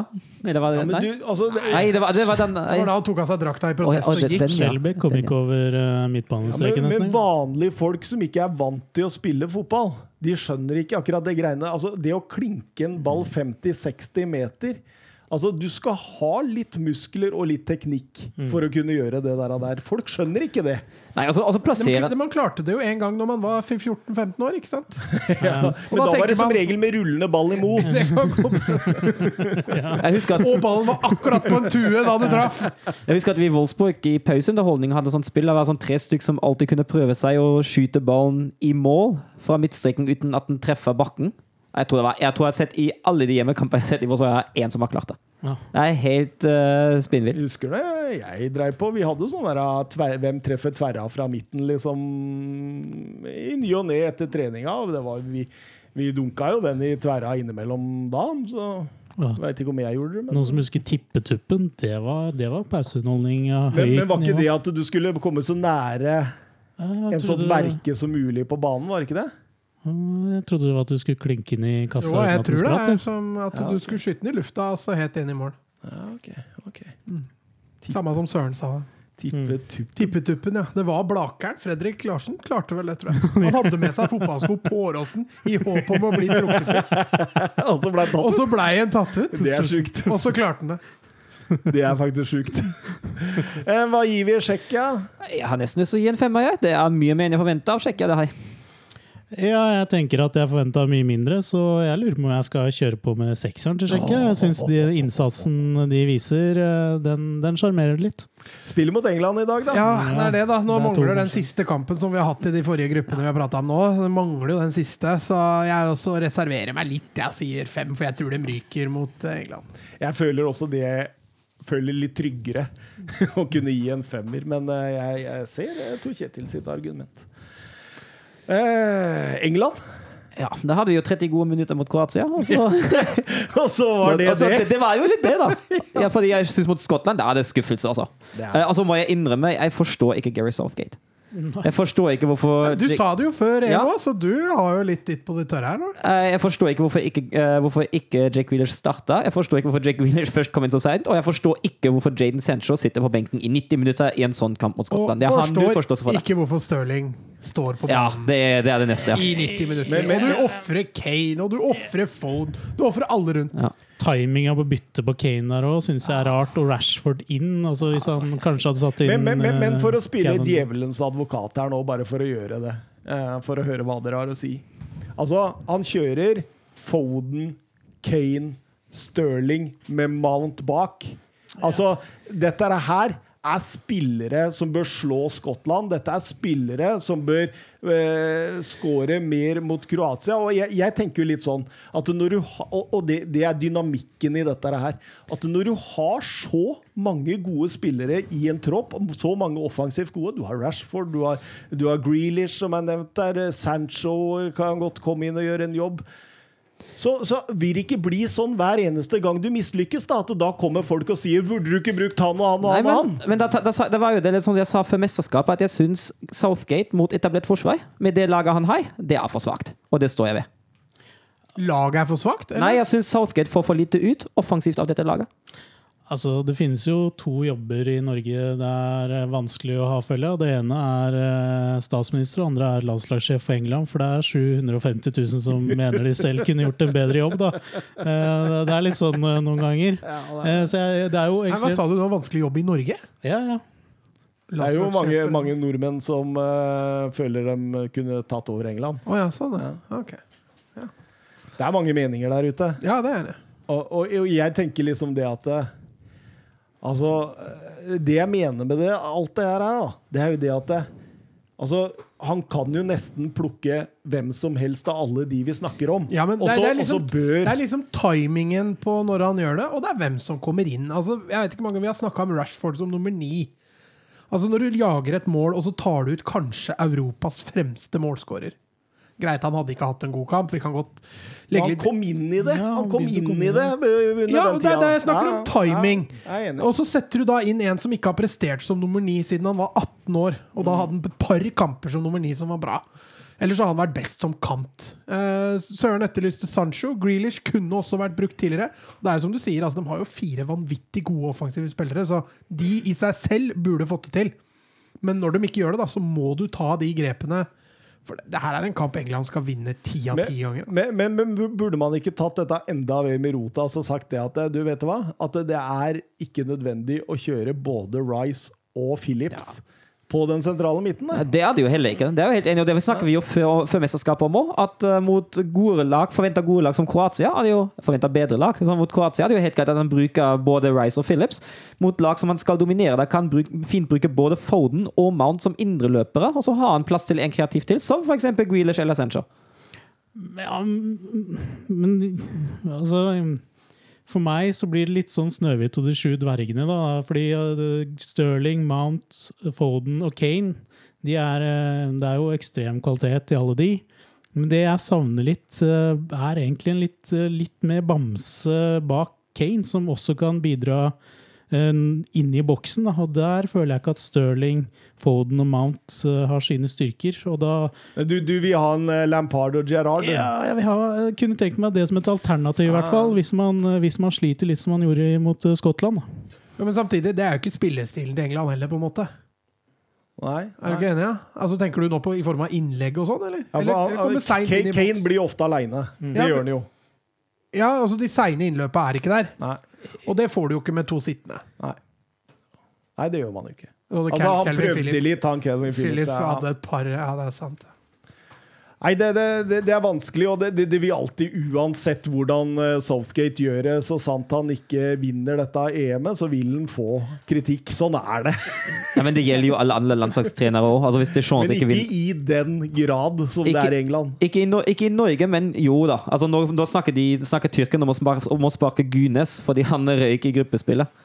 Altså, du, du har press på det som en hvilken som helst landslagstrener. Han, eh, Men, men det du sier nå, er at Gunes har like mye press på seg som Southgate.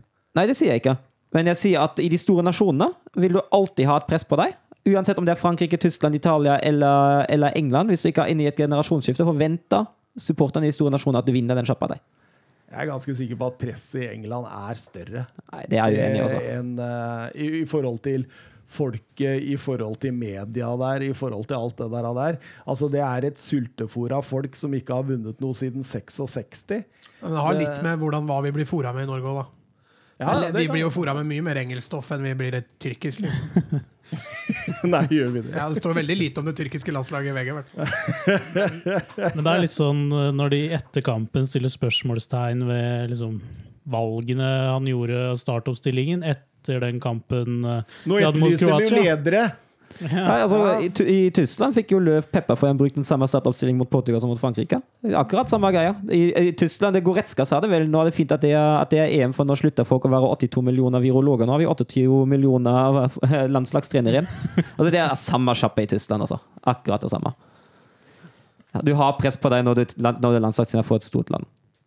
Jo, men det hjelper å ha et VM-sluttspill eh, der fra før av. Ikke nødvendigvis, for det vekker også forventninger. Nå forventer Ja. du Nå lener de seg tilbake igjen, for nå har vi vunnet. Eh, Sander Midtstuen eh, spør på Twitter. Flere i England mener at Kane må benkes. Hva tenker dere? Eh, hvordan bør Englands to fremste ledd se ut? Jeg hadde benka Stirling. Det er det første jeg hadde gjort. Uh, og så hadde jeg putta inn Grealish der. Uh, og så er jo spørsmålet mot uh, Mot Tsjekkia med tanke på den midtbanen der. Er vanskelig å si om jeg kanskje hadde prøvd meg med, med Mount og Foden og Sancho på høyre. Det blir veldig offensivt, men jeg har ikke benka Kane, i hvert fall. For Kane kan gjøre forskjell, selv om han hadde et forferdelig mesterskap så langt. Det blir galskap å benke Kane. Eh, Ja, altså, Calvert Lewin er en bra spiss, det, altså, men det er, det er ikke samme gata. Altså, det, det, Nei, og så, og så tenker jeg jo også det at det, det er ikke bare Kane sin skyld, dette her. Det, han må få litt hjelp. Han. Og, og det, det er litt sånn England har vært nå. At det, jeg syns også Foden møter mye. Kane møter mye.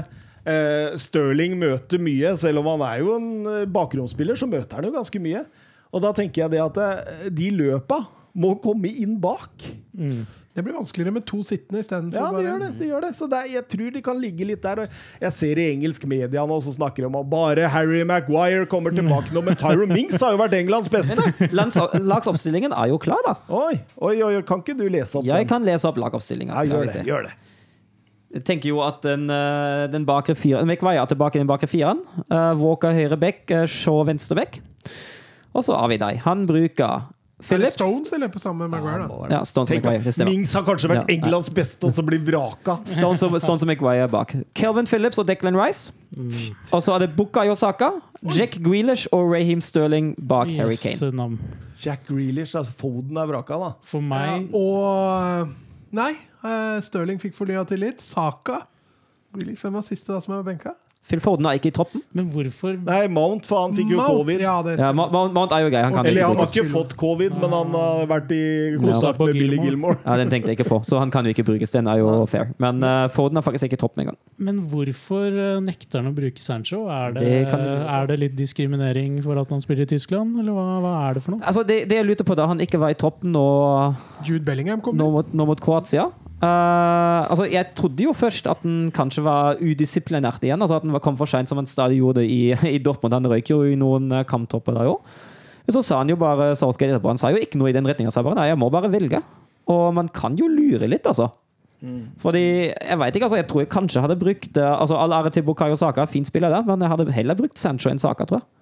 Ja. Og jeg hadde også brukt hele Central enn Stirling etter den siste kampen han hadde. Nå skal vi takke fanken på at uh, Bukayo Saka skårer to mål og er banens beste i dag. Jo, det er jo, det er jo, det er jo akkurat det som skjer. 100% Men det gjør ikke nødvendigvis eh, det gjør, ikke, det gjør det ikke nødvendigvis mer eller mindre riktig, da. Gjennomsnittsalderen til det engelske fotballandslagets elver mot Skottland var på 25 år og 31 dager, og det er den yngste elveren England noen gang har stilt med i et VM eller EM. Så eh, han tør jo å bruke unge, i hvert fall, Mats.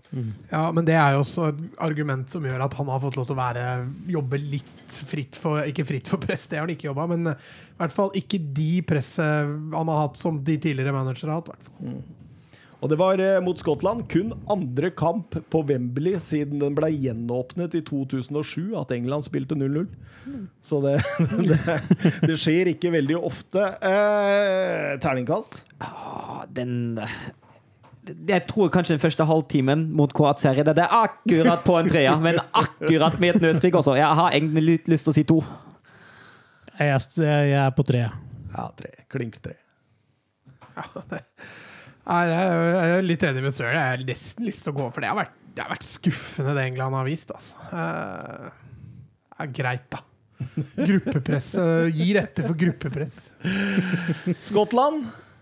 Ja, Altså, den England-kampen er så kul for Skottland. Ja. Du sitter på slutten og heier på ja Skottland! gjør jo det. Altså, altså, altså, de, de, de, de har jo litt uflaks, som jeg har vært inne på. De har et uflaks mot Tsjekkia, eller klarer ikke å få ballen i mål, da. Men de spiller jo en bra kamp mot Tsjekkia, sånn sett under ett. De gjør det. De, Ja. har, de har så mye trykk i spillet sitt, og det er veldig artig å se. Og så, og så er det, jo, altså, det er jo spillere der som er, eh, har god klasse. Altså. Shay Adams som alltid går på løp. Ja, Robertson er jo også vanvittig bra i det mesterskapet. her, Tierney altså. kommer tilbake fra skade og spiller strålende. Billy Gilmore Ja, synd han nå er ute. Ja, Altså. Det det er et kjempetap. Var nydelig, så jeg, jeg syns de har mye, mye i seg. Altså, de har noen klare huller som gjør at du skjønner at dette går i hvert fall ikke langt. Men Men mangler jo den nieren eh, på topp der. Altså Che Adams. Som du sier, Han jobber jo knallbra og er ofte et uromoment, men, men han er ikke den typiske som kan skåre tre-fire-fem mål i løpet av et mesterskap. Altså. Det er ikke Dykes heller.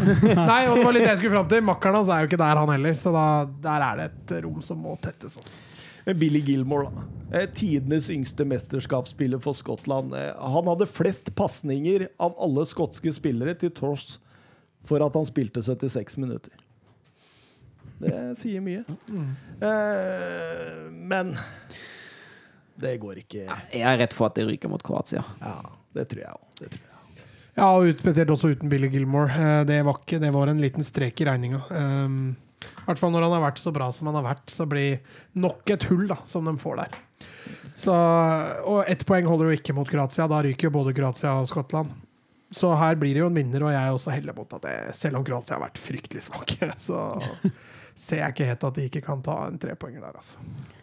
Men hvis jeg skal gi et terningkast, så er den fort oppe på fire. Ja, jeg er helt enig på fire. Helt enig. Ja, de sjarmerer fire, og så tror jeg faktisk at de tar Kroatia på viljen jeg, i dag. Åh, deilig, deilig, deilig. Ja, Greit, da er jeg enig med han og sier fem. jeg. Eh, Didrik Tofte Nilsen på Twitter. Kan kampen mellom England og Tsjekkia i kveld bli et eh, 'vi vil egentlig ikke vinne' oppgjør? Vinneren får trolig Tyskland eller Portugal. Og taperen får trolig Spania, Polen eller Slovakia. Hva har vi å si til det? Har vi, tror du noen av laga går ut på der og har lyst til å tape i dag? Nei, Nei. det tror jeg ikke. Jeg så en tweet av Gary Lineker hvor han eh, skriver at eh, Altså, han hadde lest spekulasjoner om at England skulle legge seg i den matchen her for å unngå de motstanderne, som du sier, og det det mente han var helt meningsløst. Det å vinne fotballkamper det, det er veldig viktig for en fotballspiller, både for selvtilliten og flyten og alt det i spillet. Så det ville være veldig unaturlig å legge seg. I tillegg det at du, du må jo slå de beste for å vinne et EM. Ja. Og om du møter Frankrike i, i åttendedels eller i en finale. Du må vinne uansett. Oppsummerer det bra der, Tor Kjetil. Ja, men du kan jo hende du møter Ungarn nå. Det er ikke satt en gruppe gruppa der. I en finale. Nei, i, i, i neste match.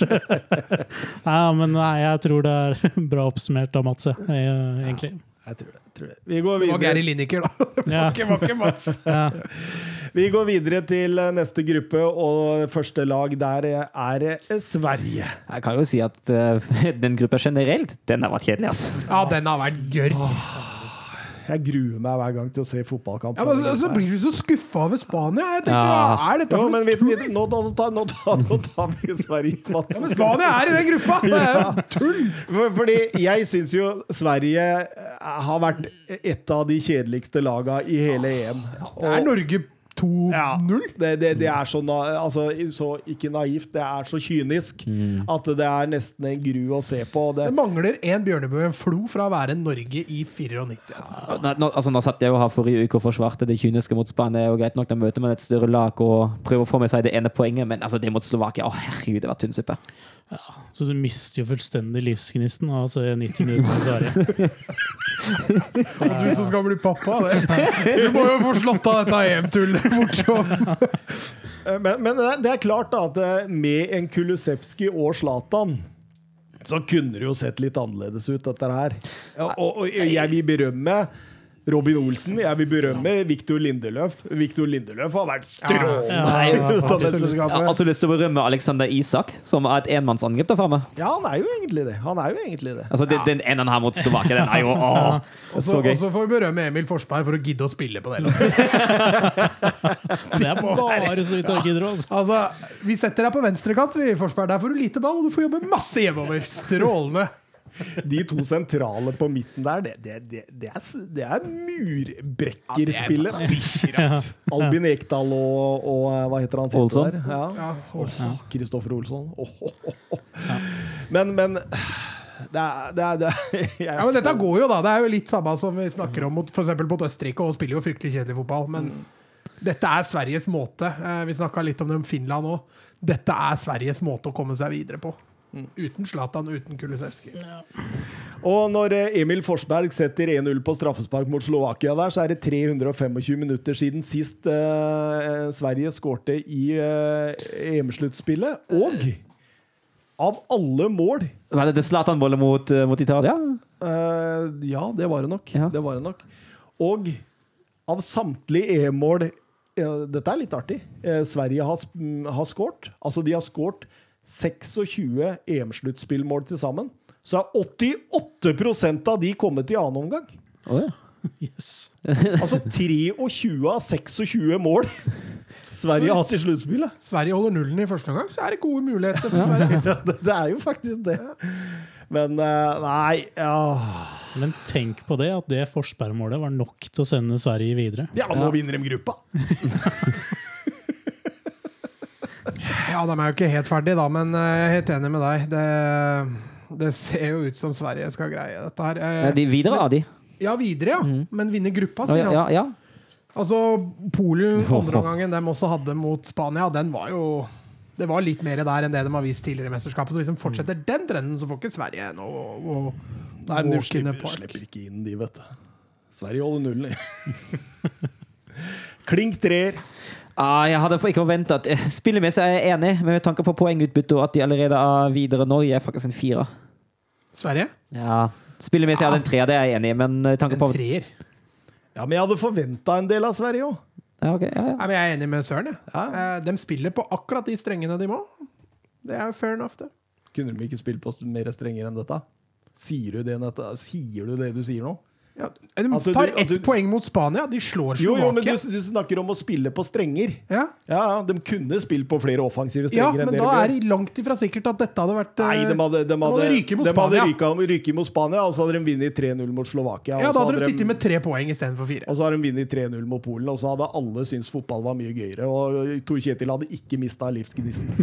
Ja, nå syns jeg du maler alt veldig rosenrødt her. Jeg er ikke helt enig med deg der. Altså. Eh, Jeg syns Sverige skal få en eh, svak firer. jeg. Ja, det er greit. det er greit. De får treer av meg, og det er utelukkende pga. Isak. Hvis ikke så hadde jeg pælma terningen herfra til Strømmen Det er godt gjort av Isak å dra den terningen opp tre hakk, da. Eh, Slovakia. Ja, det var jo bra mot Polen. Uh, litt heldig med det billige røde kortet som vi har vært inne på. Uh, mot Sverige det, Når de legger seg når, det- altså når det blir det kampbildet det blir, det blir vanskelig for Slovakia. Men altså, de har en XG mot Polen på 0,42 og skårer to mål. ja, bra jobba, det. Bra utnytta.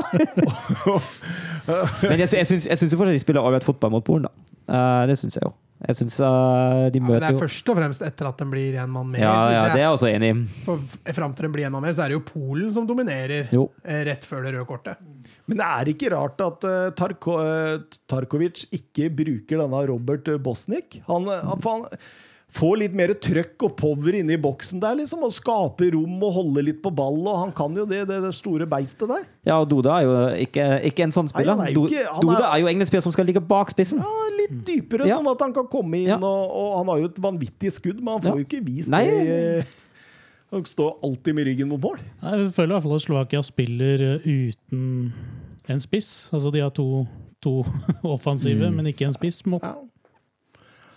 Eh, nei, jeg syns dette er også et ganske kjedelig fotballag, og det, selv Hamsik har ikke, Okay. Nei, altså, Skrinjar har vært bra. Eh, han skal vi ikke kimse av. Eh, Og Dubravka har vært bra, selv om Ja. han har hatt en Han hadde vel en uh... Han har hatt et par vanvittige redninger Ja. også, så jeg syns også han drar opp litt. Men eh, det er jo som vi snakka om før EM, at det det er et kjedelig fotballag som er nødt til å basere spillet sitt på å holde null. Altså. Men med tanke på at de har, de har tre poeng mer enn jeg trodde de skulle ha etter to runder. Så Ja, de var faktisk det. de har faktisk det. Jeg trodde de skulle stå med klink null. Jeg ser ikke noe annen vei enn å gi dem en fire, faktisk. Sorry. Nei, men det er, jeg er på tre-fire. Jeg sier tre, for jeg er alltid litt mer negativ enn Ja. deg. Søren. Og jeg er alltid litt mer negativ enn deg igjen, så derfor Nei, jeg er enig med deg. Tre. Jeg er tre mer om. Bare på grunn av Isak, eller? Nei, det er ikke. Slovakias eh, elver mot eh, Sverige var kun dager fra å være den eldste i EM-historien noen gang. Eh, det var Hellas fra det der EM-et vant, som, som har vært eldst gjennom tidene. Så hvis, du, så hvis, de, nå, hvis de, nå, de spiller med den samme startelva nå i morgen, da blir det eldste? Eh, Nei, fordi det, du var, tror det var 53 dager, og det har vel Ah, ikke gått ja. så mange på 11 mann, eller har det det? Nei. Ja, det, nei. Spilte- mattegeniet! jo, de spilte, de spilte på fredag! Jo, De spilte på fredag. Det er fem dager. På I morgen er det fem, dager siden fredag. fem ganger 11. Åh, Ja, og- de slår den ja. akkurat med to dager! Nå er, henger ikke Mats Nei, nei, ja, dette, dette ut for lenge siden. Tenkte her må det være en feil. tenkte. Eh, Nå, Mats, nå skal du få ta din vrede ut på Spania. Ja, nei, Det har vært fryktelig svakt. Altså. Eh, de har en egentlig, syns jeg, Sverige-matchen. Der syns jeg de er gode i possession-spillet, i hvert fall i første omgang. Og, men eh, bortsett fra det, jeg syns det spanske laget er fryktelig flott. Eh, skal du stille med Morata og resten av dette mesterskapet, så eh, jeg fatter ikke hvordan man skal komme seg videre fra gruppa engang. Altså. Men Morata skåra fire av Spanias fem siste EM-mål totalt. Han, og han Ja, det er bare Fernando Torres i hele Spanias EM-historie som har flere mål. Men han bommer på så mange åpenbare sjanser. Så du den straffereturen, eller? Den hadde du og jeg satt. Ja, den Det er jeg ganske sikker på, med venstre. Men det sier en del om Spanias spisspar, liksom. Når han ene, Gerard Moreno, går og tar straffesparket, brenner det i stolpen, og han andre kløna, Morata, da klarer på så å si åpent mål å klinke den ballen i hvert fall fire, fem, seks, sju meter. Ja, men det, det er liksom, En ting er possession-spill til Spania, som tidvis har vært bra. Men så er det den gjennombruddshissigheten. Altså, jeg ser eh, Spania har to indreløpere som altså, De har aldri skåra. Altså, Pedrik har skåra for Spania nå, det er kanskje ikke så rart. Men Kåke har jo heller aldri skåra for Spania. Nei. Altså, De har to utrolig lite målfarlige indreløpere. Det vil da si lite trussel i ettertrykk eh, når man spiller. Og så har du de to klovnene. da Altså, Gerard Moreno har jo vært bra i år, så skal ikke kimse for mye av han. Men Morata Ai, meg.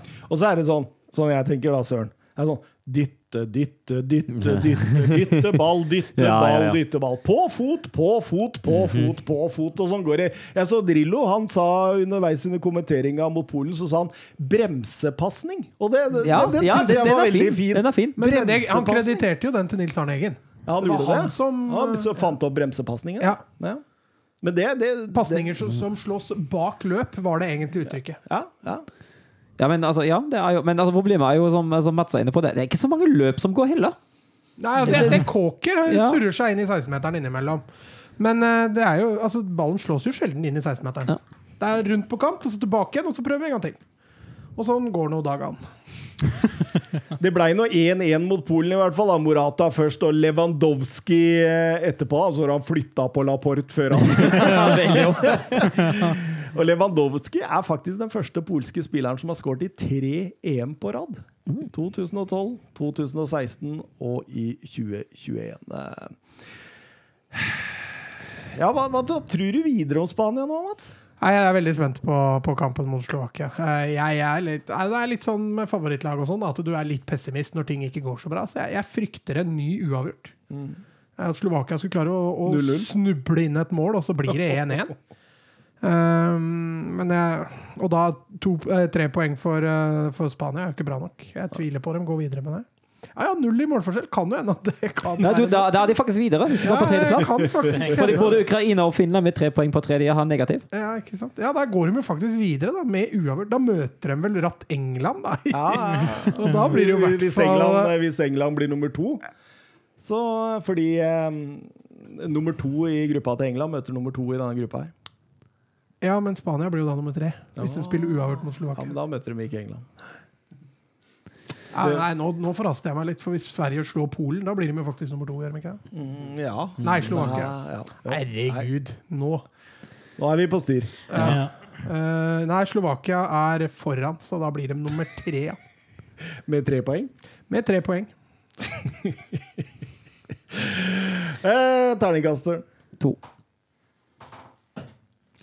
Eh, ja, jeg tror jeg slenger meg på Søren, gir de to. jeg. Ja, jeg slenger meg ikke på. Jeg slenger ut en ener. Ja, faktisk. Jeg er dritskuffa. Jeg trodde Altså, det var ikke sånn at jeg forventa at Spania skulle vinne EM. Jeg var ikke der. Men det de har kommet med her nå, det er så tynn suppe at uh, Langt under forventning. Men det, det er så mange ting du tenker på i det spanske laget. Liksom. De mangler en Xavi, de mangler en Iniesta, de mangler en Torres de mangler, det, er, det er så mye sånn framover, da. Eh, Jo, men, ja, men de som er der nå, de er jo ikke De er så langt unna.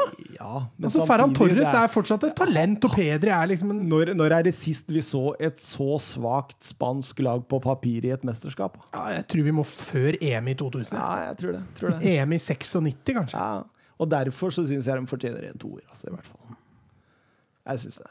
Jeg synes Jo, jo, ikke, men- vi, men vi, vi graver ikke helt svart, men det, det, er, det er noe så Altså, Det er mørkt. ja, det er, det er mørkt, men ikke helt litt, svart. ja, men altså, Du har evne, men du får det ikke til. Ja, men samtidig så er det jo et lag som kan slå alle. Du skal, ja, men du skal slå Spania. Ja. Eller Polen. Men jeg tenker eh, Spania er jo et lag altså, som kommer stort sett til å bli bedre når de møter lag som eh, pusher litt framover. Jo da, de spilte jo 0-0 mot Portugal i oppkjøringa, og sånn, så, så vi skal ikke avskrive dem helt. Men jeg, jeg syns det lover ikke et bra, det her. Altså. Eh, Polen Samme mølja som vårt mesterskap. Ja, det er faktisk det. Og Kamil Glik står bakerst og ler. Han, han vil Som han har gjort i hvert mesterskap. du vil ikke møte han i en mørk bakgate, iallfall. For han ser I Glasgow. spennende. Men, men altså, der, der forventer jeg altså var jo inne på det i, eh, i oppkjøringsepisoden vår til EM, at det skulle bli spilt litt mer offensiv fotball i Polen. Og jeg det er greit nok at de- styrer jo spillet mot, mot Slovakia, men ikke så mye offensiv gnist da heller. Det skapes ikke mye, altså. Det blei litt bedre mot Spania når de fikk Ja. han mm. inn eh, for å bistå Lewandowski litt. Og så var det jo ekstra morsomt når min ukas talent Kasper Karlovskij kom, kom inn og Blei tidenes yngste. EM-spiller. Tok eh, seks dager gamle rekorden til Jude Bellingham. Det var sånn liten I fuck you-finger til, eh, til Bellingham der. Men jeg hadde forventa litt mer, egentlig, altså. Ja, ja det er jo jeg, Når du ser på laget, så ser du et ganske decent lag. Ja. Også, og så er- men, men de Altså, føyer seg i rekka rekka av disse laga i denne gruppa. Jeg tror Polen hadde stått med fire poeng nå. Jeg hadde det ikke vært for det røde kortet mot uh, Slovakia. For da var Polen best. Når det røde kortet kom. samtidig Zielinski ekstremt skuffende for min del. Ja, helt enig. helt enig. Han har falt igjennom totalt, egentlig. Jeg syns Bednarek er bra. Jeg syns uh, Stensny Han er jo Stensny. Du skal forvente noe mer, i hvert fall. Nei, jeg, jeg, jeg har tenkt litt sånn Hvorfor kjører du ikke Fabianski? Eh, Men, men, men det får stå på trenerens kappe. Eh, Har ikke så mye mer å si, jeg, Søren. Nei, jeg har egentlig lyst til å gi en toer der. Jeg slenger meg på toeren der òg. Jeg går opp til tre. Han tenker koffert, han. Ja, det var bra. Slenger meg på toeren. Eh, ja, jeg Slenger meg sle- sle- slenger meg på toeren, jeg òg. Siste gruppe. Eh, Vi begynner med det svakeste der. eh, Ungarn. Eh, Men eh, veldig morsomt. Og iherdig kjempende. Virkelig. Det hjelper Det, jo. det var 70 000 på tribunen. Ja, ja, ja. Og Ja. Frankrike er det lenge siden de har spilt med det. Altså Grismann sa det jo, vi hørte jo ikke hverandre lenger, og det er vi jo ikke vant til nå. Så.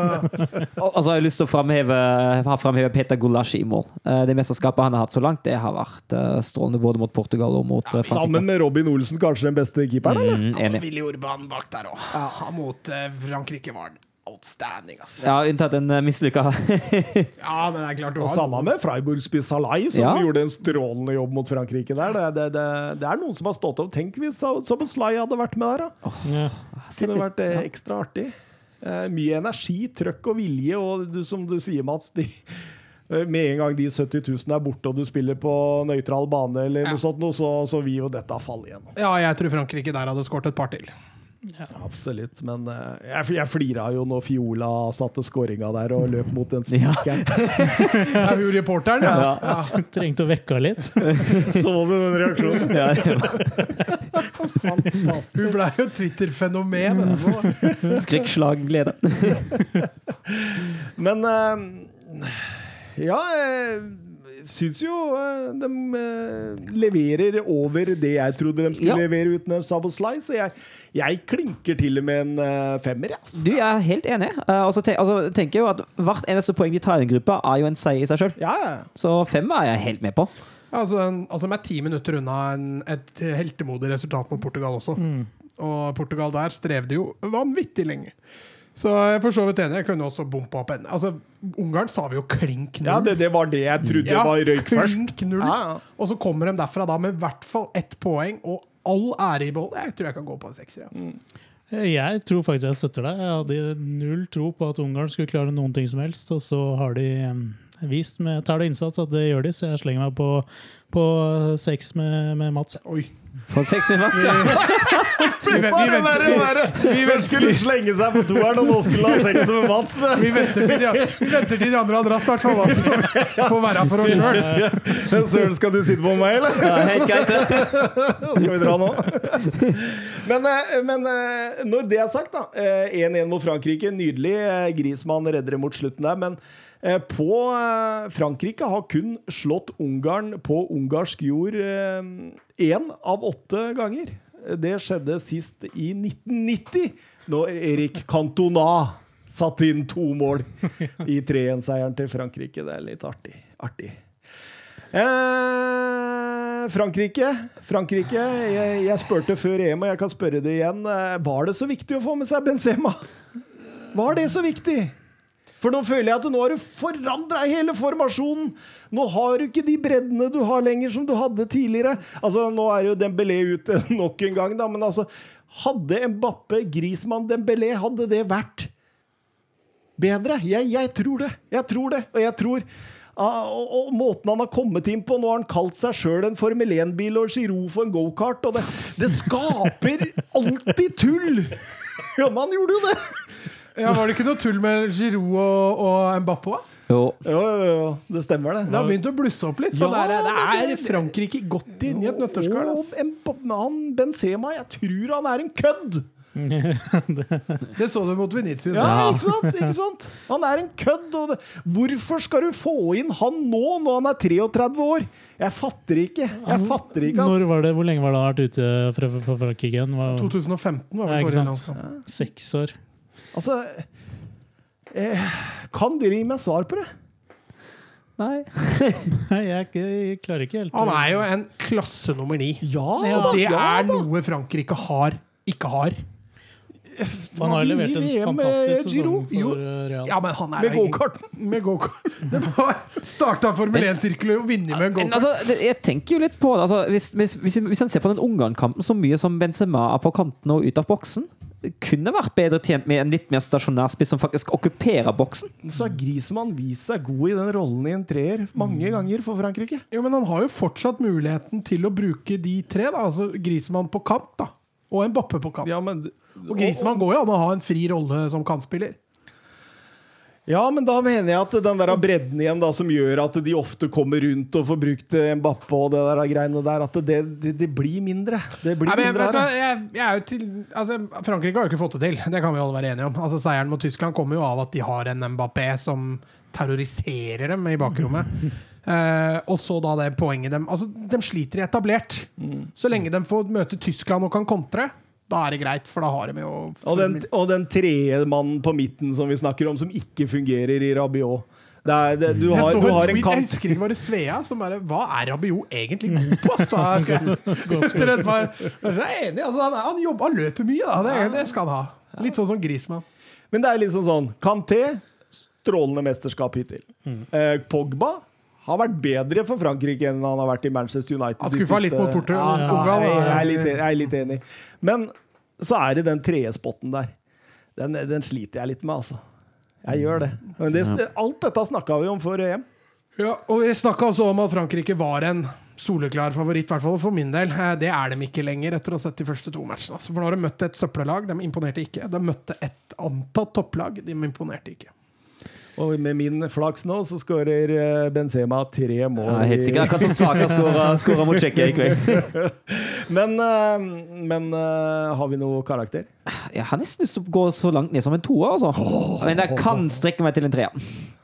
Nei, Jeg lander jo på tre, da. Det slår jo tross alt Ja. Tyskland. Det var jo Ja, det er er jo brukbart å gjøre det.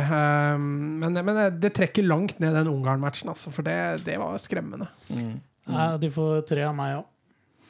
Griezmann eh, sju EM-mål nå. Kun eh, Ronaldo og Platini som har flere. Eh, godt å ta med seg det for Antoine. Jeg gir treer. Jeg gir treer. Eh, videre, Portugal. Slitt. Ja, ny skuffelse. Ja, altså. den, den, den kampen mot Tyskland var svak, altså. den defensive tilnærminga til alt. Ja. Ja, og dette snakka Jeg mener du husker jeg prata litt om det. Fernando Santos. Dette dreiv han med også i forrige mesterskap, hvor de da spiller seg uavgjort hele veien til finalen. Eh, og baserer seg på straffespark. Og du ser litt samme begge de to kampene, egentlig. Det tar litt tid før det løsner mot Ungarn. Og mot Tyskland så løsner det vel egentlig aldri. De får en tidlig scoring som de kontrer inn. Men det er, det er samme tralten hele matchen. Altså. To, to skjærmål der før pause. Hvor ofte skjer det, liksom? Det, har, det er faktisk første gang i, uh, i EM, tror jeg. Ja. Ja. Altså, altså, men, men det er litt, altså, selv om de har den defensive tilnærmingen De imponerer jo def ikke defensivt heller. Nei, Semedo Å, eh, herregud, Semedo. sykler eh, så det synger. Semedo, i hvor, hvor, hvor sånn. skal han egentlig stå? Altså, han Semedo? uh, Semedo sto står nesten på straffemerket. Hver gang, uh, hver gang Tyskland kom via høyre, skjøv han jo nesten ut mot straffemerket og ga Gåsens fullstendig korrion. Og så har jeg notatene mine her. Bare vent litt, jeg må bare finne det, for jeg husker ikke hva, het, hva han heter og hvordan han ser ut. Han, eh, Bruno Fernandes! Er det noen som har sett han? Nei. Ja, vent da, hvor er det han spilte den igjen? Han, har, han, har vært, eh, han har vært naken, altså. Ja, det Hvorfor ikke Gonsalves får kommet inn og prøve seg nå? Det Men, men det også. Da bytta han ut Fernandez Fernandes, som er vel og greit, og så bytta han inn Motinho. ja, Hvor, altså, eh, Hva er greia med Motinho? ja, altså, hva er greia? Du ligger unna mot Og så bytter du ut Fernandes, og så bytter du inn en som kanskje er til og med mer defensiv. Jeg skjønner ikke det. Jeg skjønner ikke den tankegangen. Som du sier, Gonsalves inn der og så prøver seg litt, og så får det gå som det går, altså. Men uh Portugal er første tittelforsvarer i historien som slipper inn fire mål i en og samme kamp i det påfølgende mesterskapet. Og på sine 67 EM- og VM-matcher har de kun sluppet inn fire én gang tidligere. Det var mot Tyskland i VM i yes, 2014. Sant det. Ja, ja, sant. 4-0. Så eh, de er ikke glad i tyskere. Nei, Tyskland har jo vunnet nå Portugal fem ganger på rappen i mesterskap. Sist gang eh, Portugal slo Tyskland, var jo i EM 2000, da Erik Ribbeck trente Tyskland. Det var jo et katastrofemesterskap. Det er vel 3-0 til Portugal. var vel eh, Jo, det var en Helda Bastiga som skåra tre. Jeg husker ikke. Å, gamle Tottenham-stjerna! Husker, jeg tror det var han. Jeg husker ikke. jeg, var Jeg var faktisk på White Hart Lane når Helde Postiga skårte ett av de to seriemåla han klarte å skåre i. Jeg husker ikke, det var i hvert fall en eller annen portugiser som skåra hat i den kampen. tror jeg var helt Men- Sannsynligvis Portugal spilte og vant 3-0. Men eh, kan vi snakke litt om Ronaldos vip over Rudiger og no look-hælsparket hans etterpå? Ja, Den var nice. Den var fin. det var så deilig, ass. Og nå er han faktisk oppe i 19 EM- og VM-mål, denne Ronaldo. Han er likt med Klause, kombinert som uh, toppskårer i uh, mesterskapet der. Og det var tyskdominert, den der EM-VM-toppskårer. Altså, da har du Klause og Ronaldo på topp, og så har du Gert Müller med 18, og så har du Klinsmann med 16 og Platini med 14. Det, Det er Grei liste. det, er, det, det, det, er noen, eh, det er noen legender der. Det er det. Eh, hva skal vi gi dette Nei, portugisiske laget? Jeg forventer jo veldig mye av det portugisiske laget. Jeg trodde jo de skulle spille bra fotball. Jeg holdt dem jo som en av de to store favorittene ved siden av Frankrike og foran Belgia. Jeg syns de har skuffa. Det, dette her blir faktisk stor for meg, altså. Ja, jeg tilbøyelig litt gi de én nesten, ja. fordi i tillegg til å skuffe, så sjarmerer de heller ikke meg, i hvert fall. Ja. Eh, Jeg legger meg på to. De har tross alt eh, feid Ungarn av banen sånn de siste ti minutta der. Det, Eh, var så vidt, altså. Ja, men den feier jo i ti minutter. Feie, det holder, det. det holder det til å feie seg opp England fikk vel tre for den første halvtimen Ja, de mot fikk jo tre altså. for en halvtime, så da må Portugal få to for ti minutter. Ja, greit. Jeg, jeg, jeg hiver meg med på den. Tyskland er da siste lag ut, og Van Dahl spør på Twitter han Tyskland gode mot Frankrike og overlegne mot Portugal. Er løv å tro på EM-gull nå? Du spurte jo, du spurte jo litt uh, før, før sending allerede. Ja. Jeg syns den Portugal-kampen er en veldig god, veldig god positiv overraskelse. da. Uh, den hadde jeg ikke sett komme, så jeg var jo negativ i en hel uke før, den kampen. der cirka siden Frankrike Frankrike-matchen. Uh, jeg syns også jeg er enig i at uh, Frank, den Frankrike-kampen den er OK. Den er grei, den. Uh, så ja, det ser ikke så dumt ut. At det blir EM-gull tror jeg ikke, og jeg, jeg, jeg må også innom jeg gleder meg litt til uh, Hansi Flick overtar nå etter sesongen. Eh, jeg er litt fed up med Løv. Det, Men dette er jo det Portugal-Tyskland er den beste kampen som har blitt spilt i EM. det er jeg helt enig i. Og Tyskland har, jeg har ikke sett Tyskland så bra siden VM i 2014. Det er jo de wingbacka, Ja, og? Kim inn, som bare kommer og kommer og er kommer. og akkurat kommer, det, og kommer. fordi mot Frankrike mot Fra Nå var det Slitsomt. Men mot, Frank mot Frankrikes Henter deg så fælt Jeg slenger meg ikke på en toer her. i hvert fall. Men jeg syns Tyskland drar noe heldig med seg fra dette, fordi dem får Ungarn i München. Ja, de gjør det. Portugal og Frankrike em, eh, måtte ned til eh, Ungarn og spille i den heksegryta der. Altså. Så det kan bli stygt. Det tror jeg òg. Der tror jeg vi får se kampen vi egentlig hadde fått mellom Frankrike og Ungarn. Den får vi der. Men altså det du sier nå med de vingbekkene, det, er- det er akkurat det som er positiv overraskelsen. Fordi mot Frankrike var det litt for sentrumsbasert, det angrepsspillet. Uh, og jeg syns, uh, syns de vendingene, hvordan Ginter fungerer som en, uh, som, en som overloader høyresida mot, uh, mot Portugal, alt det der, det, det funker bare så sykt bra. Det skaffes rom hele tida, det utnyttes rom hele tida. Jeg syns det er strålende. Og Robin Gaasens, for en kamp han hadde mot Portugal. Ja. Kimmich, Kimmich var god, men uh, Gaasens var strålende. Helt klart. helt klart Han var helt konge. Han var eh, banens uh, Soleklart. Men jeg, jeg, men jeg synes liksom Altså Det eneste jeg liksom ser, på en måte Altså Nå syns jeg Rudiger har vært ganske bra, og, og du Han trenger har blitt for tempoet meg hans. en sånn derre spiller du i hater. Ja, det Han driver klart. med så mye Ja, ufine ting det. på banen. Men, men det tempoet hans trenger du bak i det tyske ja, treeren også der. det at han er kompromissløs og Ja, alt det der. Det er en klassestopper å ha på lag. Men, men, men da har du en rask stopper, du har en hummel som kan forsere ledd eller tre baller eh, oppover. Du har en veldig sånn god eh, god på en måte duo på midten der i Gundogan og, eh, og, og, og, og Kroos. Og så kommer Goretzka tilbake nå, så det er jo Ja, bra. ja. Og, og, og du har eh, Du har Havertz og Müller i de offensive rollene der, og de wingbacka som kommer. Jeg syns det er veldig sånn balansert godt lag. Det eneste jeg savner, det er det vi var inne på med toppskårere, med Mygert Müller Ja, og. Klinsmann. Det er en der. Men den, den, den har jo foregått litt i tusen, Men har, siden Klåse har, har begynt å falle og legge opp etter hvert, da, uh, har man jo egentlig savna litt den typen deg. Uh, og det kommer jo ingen etter nødvendigvis heller. Er jo kanskje matcher som er nærmest, men om han, jeg vet ikke helt om han har det nivået der inne at han blir landslagsspiller. Egentlig ikke. Så det, er litt vanskelig å se at det skal komme en i nærmeste framtid. Altså. Werner, da? Er, er han ferdig, han, eller? Nei da, men, uh, Ja, men han er jo ikke helt den, den typen heller som bøtter inn sju-åtte mål i et mesterskap. Nei, I hvert fall ikke Premier League.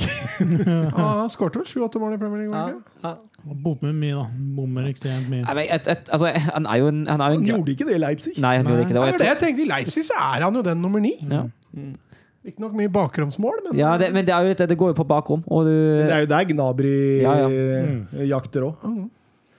Men, men eh, jeg er redd jeg, søren, for at jeg kunne sagt Tyskland som en av favorittene før podkasten, men at jeg Eller før EM. EM Ja, men at jeg har blitt påvirka av din konstante negativitet overfor Tyskland. Fordi jeg syns det laget er ganske bra, og jeg syns det er fint sammensatt, og jeg syns det er spennende. Jeg syns uh... det men altså, mangler litt bredde. Ja. Når Halstenberg og Klostermann og de gutta begynner å komme inn, da, da synker jo kvaliteten. men så har det jo Det har jo ikke sett bra ut før nå, egentlig. Det har jo ikke det. Nei, vi, vi husker jo 6-0 mot Spania. Og vi husker også 2-1 mot Nord-Makedonia. Et lag som blir rundspillet i mesterskapet. Spilte de ikke uavgjort mot Ukraina eller noe sånt? Nei, Og Nei de vant med én. ja, ja. Men uh, jeg får i hvert fall uh, gåsenhud av å se en del av det som skjer, eh, skjer mot Portugal. ja, det var fryktelig gøy. Og de eh, tok jo rekorden til England i dette EM òg, med 19 trekk eh, på 4-1-skåringa til Gåsens. Eh, England hadde jo 17 mot uh, Kroatia, som har stått ganske lenge som turneringens uh, mål i forhold til antall trekk som sannsynligvis hvis Spania får inn et, så dobler de det, eller noe sånt. Hvor de har slått så mye støttepasninger og sånn i forkant. Eh, ja, nei uh, har, du, har du noe mer å si om ditt uh, kjære landsfolk? Nei, jeg har lyst til å gi en femmer, ja. Ja. Det er det jeg har lyst til å si. Jeg forventer, jeg forventer jo ganske dårlig. og det som blir vist, var betraktelig bedre enn jeg forventa, så fem. Eh, ja, jeg tror jeg gir fire, jeg, faktisk. Selv om uh, Du har ikke sittet i podcaststudio med han og hørt om Løv og det forferdelige tyske landslaget, du vet det. Du er ikke Nei. Du, er ikke, du, har, du har spart deg for de siste kampene til Tyskland de siste åra. Du har ikke fulgt med tysk landslagsfotball! Det er det som er Nei, det er, ikke, det er ikke det jeg sier. Har ikke eh, peil! Nei, du Nei, må følge med! Sorry. sorry. nei, nei, nei. Herregud, det var ikke sånn ment, da. Ja, han veit iallfall ikke hvor jeg bor, da, så det Nei, ja, nå, nå hater han deg. Ja, det blir slitsomt. Bare si at min negativitet har en grunn. Ja, du da, Mats? Nei, jeg er, jeg er også litt uh, samme som uh, jeg er, ikke helt, jeg er liksom litt enig med deg. Jeg, da. jeg tror jeg har blitt påvirka for mye av Søren. Og sånn sett så, så bør det jo bli en femmer. Samtidig så satt du liksom altså, Frankrike-matchen var jo bra. Ja, det var det. Men det er jo liksom den samme tendensen som vi har hos Mats òg, at man er litt mer kritisk til sitt, til sitt ja, eget ja, ja, Det er jo, er jo bare Mats Hummel som er forskjellen på poeng mot Frankrike òg. Mm. Ja, eller en Mats Gravo. Nei, jeg gir fire. Fem. Fordi jeg har blitt for påvirka av Søren Dupker. Um, mm, mm, mm. Det var, da var vi gjennom EM. Nå skal vi innom transfers. Det er alltid gøy. Det er alltid gøy. Um, fikk et uh, Twitter-spørsmål fra Martin Sørensen. Blir det spillere igjen i Atalanta nå? Mange sterke spillerprestasjoner derfra? Ja, de to wingbackene har i hvert Mm. fall fått eh, mye gode skussmål etter dette. Så, men Gossens er vel allerede rykta hit og dit. Ja, Gossens sa eh, har vært, Han var jo ganske sterkt rykta i fjor allerede. At han, eh, og han blir jo spurt nå direkte hva Atalanta syns om at han presterer så godt. Og han, han sa vel i intervjuet nå at nei, Atalanta syns det er kult, de unner meg det, og så får vi se hva som skjer. Men Christian Romero han går jo tilbake til Juventus nå og er åpenbart aktuell for Premier League, skjønte jeg. Liverpool, Tottenham, det var flere lag der. Eh, Gåsen, som det sier, er jo aktuell for mange klubber nå. Eh, Pessina, som skårte for Italia der, han eh, gjorde jo seg bemerka. Malinowski blir jo sett på som en eh, Shalanoglu-erstatter i Milan, veit jeg, om det går igjennom. Og så har du jo Freuler, da, hvor han har kontrakt kun ut neste sesong, og en Hattebor som har sagt at jeg har ikke så lyst til å spille lenger i Serie A. Så det kan bli utskiftninger der. Ja, og dette er litt av utfordringene når du er en sånn hele tida en underdog. da. Eh, nå har jo Atalanta prestert bra over de tre siste åra. Men, men det er litt samme utfordringen Atletico sliter med i Spania. Altså, Du klarer ikke å holde på de store stjernene dine, sånn som man kan i de andre største klubbene. Så at det blir noen utskiftninger der, det forventer jeg. Og Gåsens tror jeg er brennheit nå, altså. Men det Så, er ikke så til og med Joakim Mæhle ble- blei ble linka til Southampton og Westham nå. Jeg veit ikke om han har forlatt Atalanta til fordel for Southampton eller Westham, faktisk. Det virker trivelig i Bergamo. Ja, altså, altså for det Høyere lønn, høyere lønn. Men, men er ikke litt styrken til Atalanta at de har en tydelig sånn rekrutterings- og utviklingsmodell? Ja, ja, sånn at de kan liksom lett miste kanskje en-to spillere, da, og så fint finne en eller hva skal Altså si, For liksom- eksempel Martin Dedron, da, som de klarte å fiske ut av Middlesbrough. En sånn, ja, altså Han var jo nesten ingenting i Ja, championship. fer ferdig. Ja, ja. Ja, Og, så, og sånn er jo historien hele veien der. ja, for De trenger ikke å erstatte et stort navn med et nytt stort navn. Det virker som de bare får fram uh, det beste Ja, men Malinowski òg. Var litt samme Ja, kommer sikkert Miranchuk uh, neste år. Ja. Og det, måten de var liksom Papu Gomez i den tida han var der, en uh, Ilicic altså Det er jo spillere ja, som jo Luis Muriel ganske dyrt, gjorde de ikke? Men han var jo litt ferdig, han òg. Det er mange av de som liksom er ferdig, og så bare får de en oppblomstring. Det er veldig artig. altså Gasperini gjør en strålende jobb med. Braithwaite Altså- altså, gå til Atalanta. Ja, da, da kommer han jo til å blir han ratt toppskårer i serien? A. 40 mål.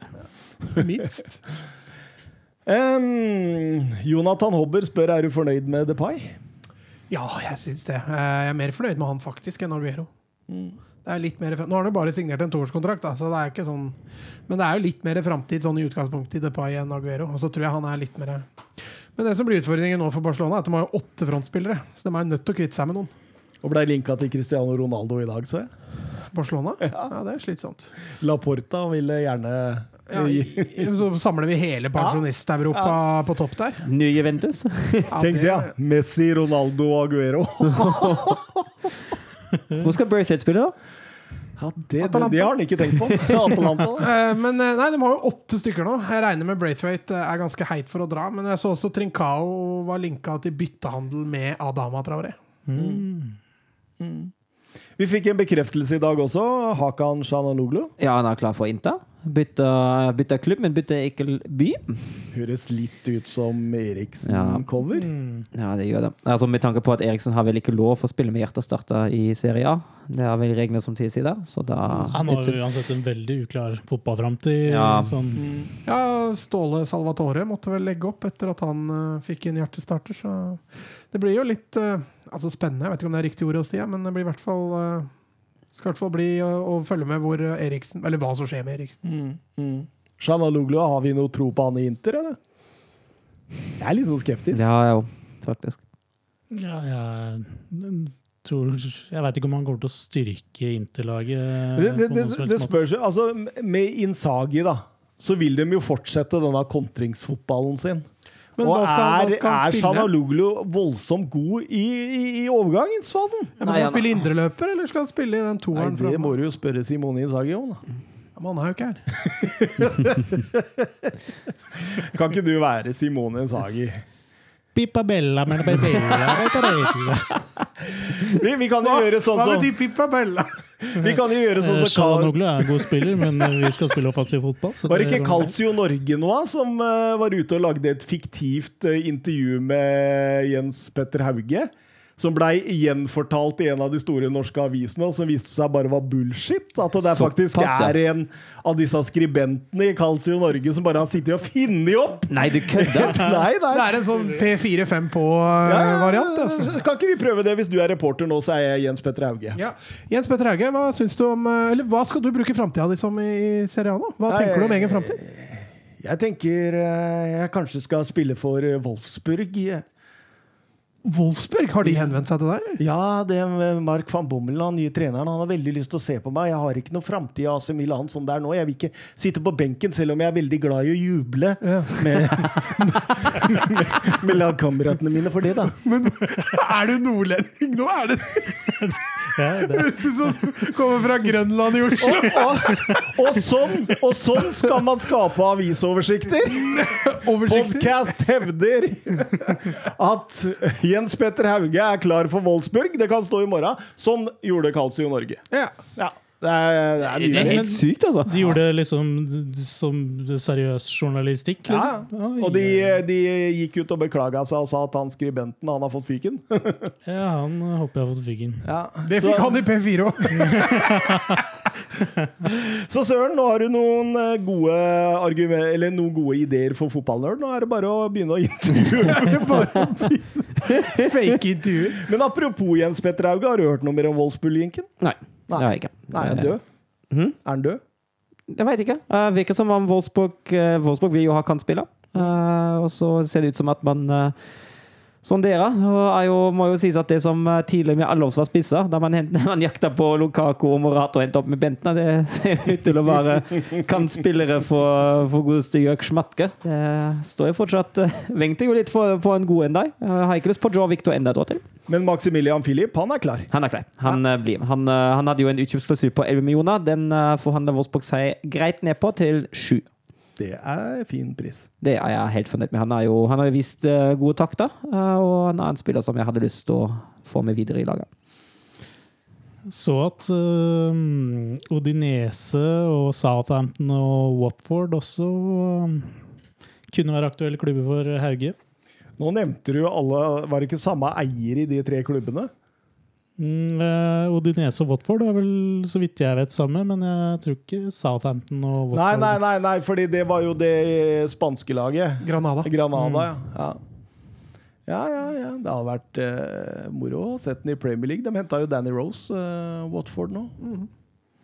Så det blir satsing. Det er en annen som er ute av Premier League, i hvert fall for noen år. Det er jo uh, Fikayo Tomori, som eh, AC Milan eh, punga ut for den eh, forhåndsavtalte summen i forhold til det lånet de gjorde. Mm. Tomori har gjort det bra. I, Ja, I Premier Leagues kirkegård, som vi har blitt enige om å kalle det. ja. Selv der, der Smalling og Ashley Young kan Nå er jo Ashley Young Ashley Young tilbake! tilbake, ja, Buendia og Ashley Young. Oi, oi, oi, oi, oi.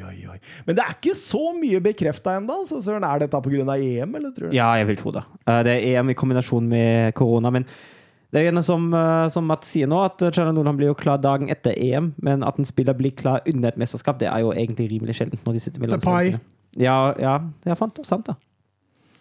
Mm, mm. Ja. Men det, det, vi ser ikke så ofte det. At, uh, Så var det ikke en overgang. Han var jo free agent, samme som Ja. Cholonoglu. Ja. Eh, Altså, altså, jo, altså, altså har det jo gjerne altså med å gjøre med at man gjerne venter som klubb da hvilke spillere stikker kanskje seg litt fram i, uh, i EM. Hva kan man hente da? Jo, ja. Men, men så driver jo også Sjaktar og bygger lag nå, under uh, Di Serbi. Uh, sportsdirektøren der, Dario Serna, han uh, driver og handler nå. Har henta Lasina Traore. De har jo tidligere henta Pedrino, og um, de skal prøve å bygge opp et lag der. Det er spennende å se. Eh, den- kuleste spilleren i Sjaktar nå, det er jo han Manor Salomon. Han, eh, han israeleren. En nydelig kantspiller. Eh, jeg ser forresten nå at vi har fortsatt noen EM-spørsmål igjen. Oi, ja, da kjør. Oi, oi, oi. Jørn Henland. Hvilken spiller er turneringens beste potet? Det er er ja. vanskelig. Potet, altså som i å spille på mange posisjoner. Er ikke det som er definisjonen av potet? Jo. Sinchenko har blitt flytta litt opp og ned, da, men Ja, han har ikke vært særlig god. Ja, men Nei, det I EM, liksom? At han har blitt flytta rundt i EM? Men det er ikke så mange som har det. er det. Så, Han tenker sikkert på én spesiell som vi går glipp av. Ja, det er litt, ja, han er på jakt etter en, et, Han har et svar, han! Han har et svar. Han har det. Skal teste oss. Ja. Potet. Det er ikke en som heter noe. Stian Potato. altså, du- han, har jo ikke, han har ikke blitt flytta og spilt uh, wingback, men Kimmich er jo en klassisk potet. Men ja, da eh, kan du dra Sinchenko Ja, samme Ja. Og, Men og Og Joakim Mæhle som Ja. får en annen bekk. ja, men han, er jo, han spiller jo bare høyre bekk, da. Høyre wingback. Så vil jeg ikke kalle han potet i dette mesterskapet. Eller Andreas Christensen som plutselig fant ut at nå skal jeg bli Thunder Striker og stopper samtidig. Ja, det var bare et sekund, da. Nei, jeg har ikke noe god, godt svar til Henland der, altså. En potet som også ikke. i EM. Den, Blei ble eh, tatt litt på senga, den der. Den eh, Vi, vi, vi kan tenke på den, og så går vi til neste. Perisic spiller på begge kanter, i hvert fall. da. Åh, skikkelig potet. Oskar Kaverjo Holm, hvilket lag spiller har imponert mest, og hvilket har skuffet mest? Tyrkia og Italia. Ja, det er jeg enig med lag. Nederland, Tyrkia. Ja. Eller ja, nei, nei ja, kan, Jo, nei, Italia. Ja, nei, jeg går på Italia og Tyrkia. Ja, da gikk det Sorry. Ja, Er Tyrkia og Italia, helt enig. Spillere? Eh, Jeg, eh, Den som imponerte meg mest, har vært eh, Dumfries. Så jeg tror jeg stemmer på han, jeg. Men hvem som har ikke imponert, altså hvem som i motsatt retning, det blir fort en tyrker, da. Jeg står på Harry Kane. Altså. Ja. Han har vært uh, svak. Uh, ikke bare hans skyld, selvfølgelig, men uh, jeg forventa i hvert fall at han skulle ha to-tre mål. Jeg, nå. Og så står han på null og har egentlig ikke vært i nærheten. Han hadde jo den kjempebommen hvor han løper i stanga etterpå, men Kane må vel ha si vært en skuffelse. Eh, Positiv eh, Jeg syns Benzema òg kan være det. ja. Kan, kan de som positivt kan jeg også nevne Locatelli. Jeg syns han har vært god. ja, og Damsgaard etter at han kom inn, har vært spennende. Nei, Nydelig. nydelig. Vi fortsetter. Eh, Siste EM-spørsmål. Jørgen B. Ready Nystuen. EMs beste elver så langt. Det er fint. Jeg har satt opp et lite forslag, og så kan jo dere kanskje ja, altså Forslaget mitt er her, og så kan dere si først da hvem dere er uenig i, OK? Eh, Robin Olsen i mål. Jeg hadde tatt Gulashi. Ja, ja, Robin Olsen. Jeg har også latt meg litt imponere av Ward på Wales. Mm. Ja, han hadde noen klasseredninger mot Italia. Altså. Ward Gulashi eller Olsen, da? Jeg stemmer på Olsen, jeg, for jeg føler han har hatt noen Ja, det- ordentlige Det er matchvinnerredninger. Han er, han er helt strålende. Og det er så sjokkerende at han er strålende, på en måte. Ja, nei, men jeg kan stemme på det. Da er det uansett tre, så da tar vi høyre bekk, eh, Denzil Ja, Dumfries. det er Ja, den er grei. Venstre bekk, Robin Gaasen. Ja, den Ja. er også grei. Stopper Tyrone Minks. Ja, det har vært bra. Hvis vi skal ha med en engelskmann, så må det jo nesten bli han, da. Ja, Jeg synes han er strålende. Han har vært prikkfri i dette mesterskapet. Jeg kan ikke finne noen eh, særlig bedre, og i så fall så er det for meg Joe Roden. Han har også stått imot i det. Ja, Victor Lindeløf òg, da. Han Ja, han glemte jeg. Han glemte jeg, ja. Ja, jeg vil ha inn Lindeløv. Ja, jeg tror jeg stemmer for Lindeløv. Ja. Lindeløv Helt der, riktig. Lindeløv? Ja, helt fint. det. Ja, bra. Eh, høyre kant, Gareth Bale. Men hvilke, har vi da Mings og Lindeløf nå? Ja. Ja. Eh, høyre kant, Gareth Bale. Har du noen alternativer der? Mm, nei, det er jo dere som må komme, da. Jeg, jeg som har satt opp mitt lag Du her. hadde jo noen alternativer på keeperplassen. Er. Nei, det kom fra kom- Gulashi der og fra Ward der. Jeg har satt opp det jeg føler og har tenkt igjennom. Jeg kan være med på Gareth Bale. Han har vært så dårlig foran mål! Ja, men han har jo lagt opp og kosa seg, da. Ja, Ja, ser ikke ut som han kosa seg når det brant det straffesparket. Altså. Ja, kom med et alternativ, da. Ber Bernard nei, Ber- Berardi. Har vært bra. Mm, han har vært eh, brukbar. Men jeg, jeg føler liksom at det, det, det skal ikke så mye til før Chiesa tar den plassen. Mm. Og så er det mange som har imponert mest. Altså forhånds, hva du trodde på forhånd, så er kanskje Bale eh, Men Bale har jo vært At vi får inn en waliser, er ikke dårlig gjort. Men vi har fortsatt ikke fått inn en eneste italiener, da, har vi det? eh, Han kommer, han. det kommer én, ja. Ja, kommer. kommer. Venstrekant, eh, Cristiano Ronaldo. Skyver den ut på kant? Ja, det er greit. Det er fint. Ja, ellers så kunne jeg jo Han har tre mål. Han er EMs toppskårer gjennom tidene nå. Han har en no look hælpasning etter skip over Rudiger, som bare, bare det får meg til å ja, en av de få portugisere som faktisk ikke har skuffa. Ja, han, han står på, han. Du ser de der løpet han tar nå. Han ser jo ut som han er 22 når han går i, i overganger. Ja, Og sammenligninga til Brauten kom bare tre sekunder etter det målet. Da dro, dro vi på oss nisselua, og så fikk vi en sånn Insigne kan han være en Nei, jeg syns han har vært litt down, jeg, altså. Men Men ikke dårlig, men Damsgaard har vært uh, ja, Men der er han i venstrekant. Det Ja, er vanskelig. vanskelig. Nei, jeg får ikke noen spanjoler på dette laget, så Emil Forsberg, da, bare for å si det sånn. har rein sympati. Hvis vi får to svensker inn på det laget her, da er det noe gærent. altså. har vi ikke Nei, det har vi! Vi har Vi to! har to svensker. Har to Får vi tre svensker, da, da kan vi bare pakke Tre sammen. svensker! Da blir vi useriøse, Thomas.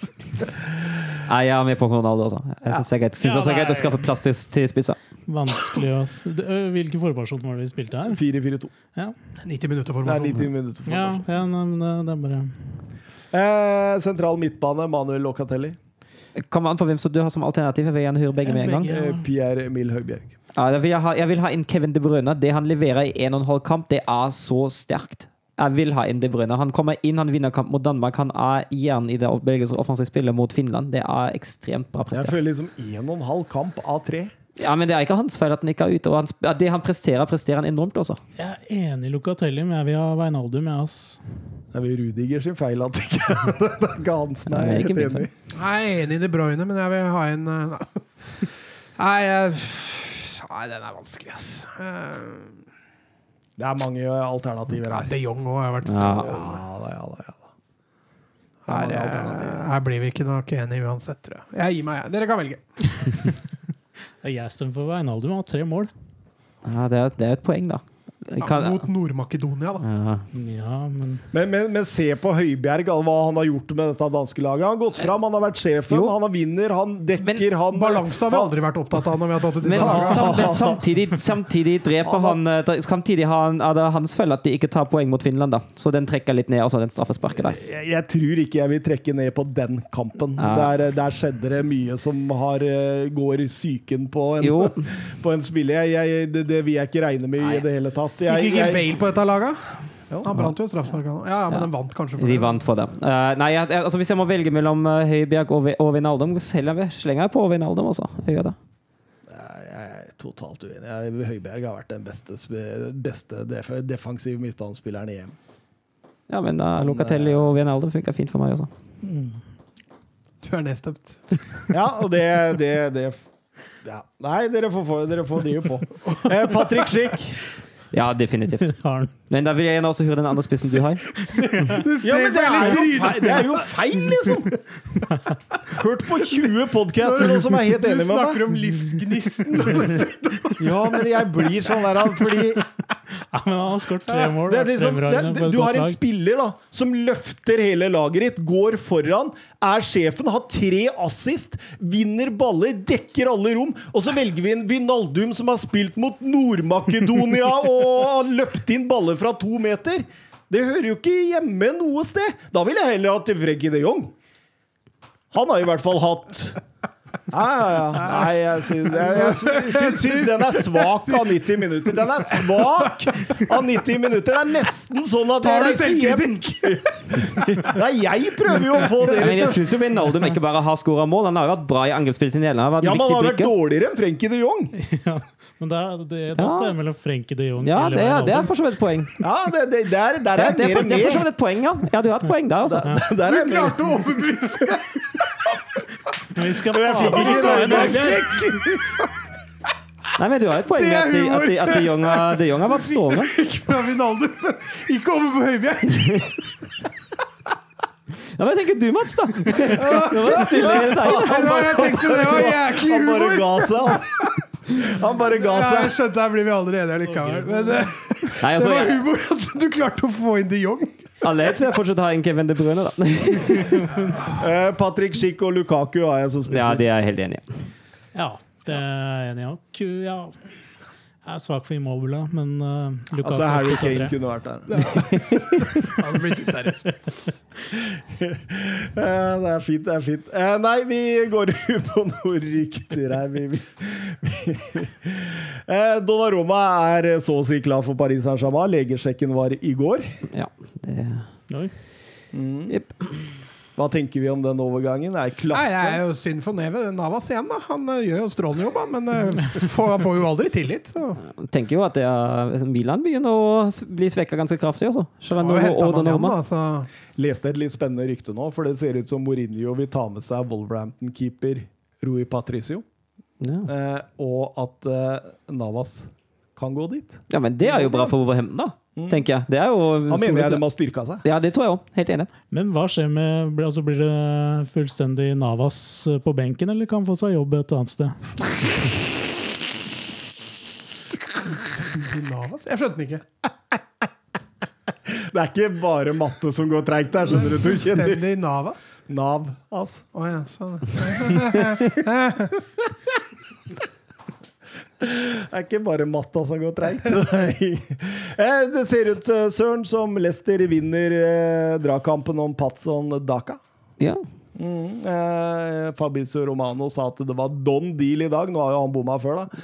Han bommer ikke ofte. Nei, I hvert fall ikke når han sier Don Deal. Da Ja, er here we go, står det til og med. Femårskontrakt og avtale verdt 23 millioner pund for målmaskinen fra Zambia. Henta de ikke han dype fra Frankrike? Han eh, er f- ikke bekrefta, Somaré, Somaré, ja. men eh, det sier også Fabio eh, Romano.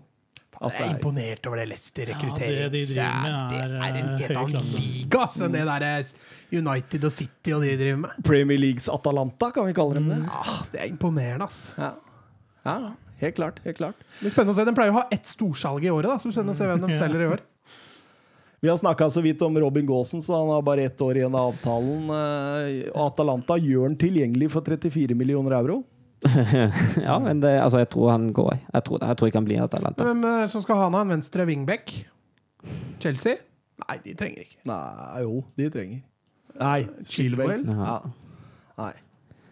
Nei, Han var jo kraftig linka til, til Juventus, jeg syns jo eh, Inter, kanskje? Inter trenger en venstre Ah, wingback. ah. Men har Inter 35 millioner euro å bruke på Nei, det er jo dem skylder jo 80, holdt jeg på å Ja. si. Sånn. Men de må selge Ha- Hakimi først.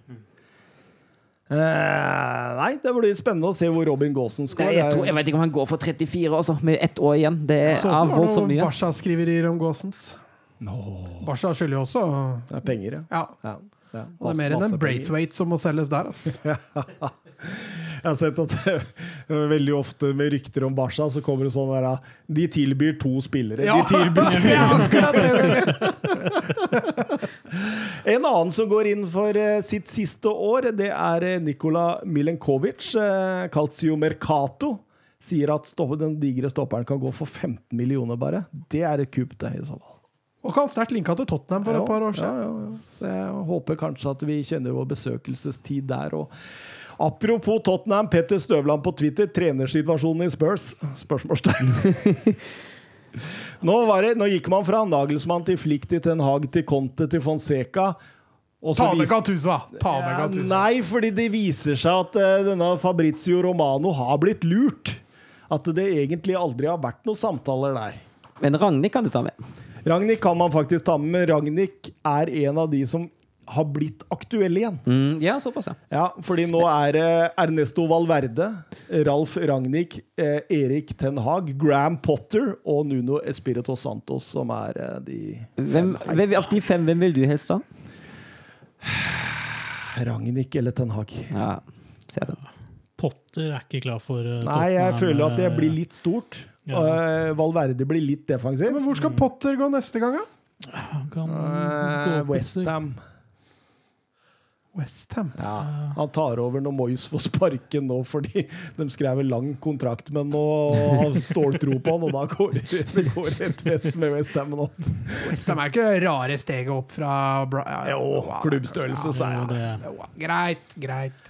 Det blir spennende å se, i hvert fall. Eh, Jeg blei i hvert fall litt sånn letta når jeg skjønte at eh, Romano har blitt lurt i forhold til Gattuso, for da tenker jeg da hadde det vært altså, Ja, jeg sy- syns jo den var rai. ja, Det er som jeg skrev til Morten Galesen på Twitter, da, da hadde jeg joina deg i Fenerbahçe support. Altså. Det- Jeg ble litt lei meg, fordi tenk på de Ja, jeg også er litt på deg, da. Tenk den fyrverkeriet vi hadde fått Ja, og så hadde vi fått den i 15 kamper, så han fått fyken uansett. Sometimes maybe win, sometimes maybe lose. Yes. Ja, den er Sometimes maybe shit! Sometimes maybe good! Den, er- den er fin. Men, eh, men eh, Tenk deg liksom Tottenham nå, eh, Paratisi der som vi har lyst til å hente Rabiot og sånt, og så sitter Gattuso på tredjestolen og sånn. Det hadde vært tunge, tunge, tunge dager. Harry Kane kommer tilbake fra EM. Lille Joe Hva er det han assistenten het?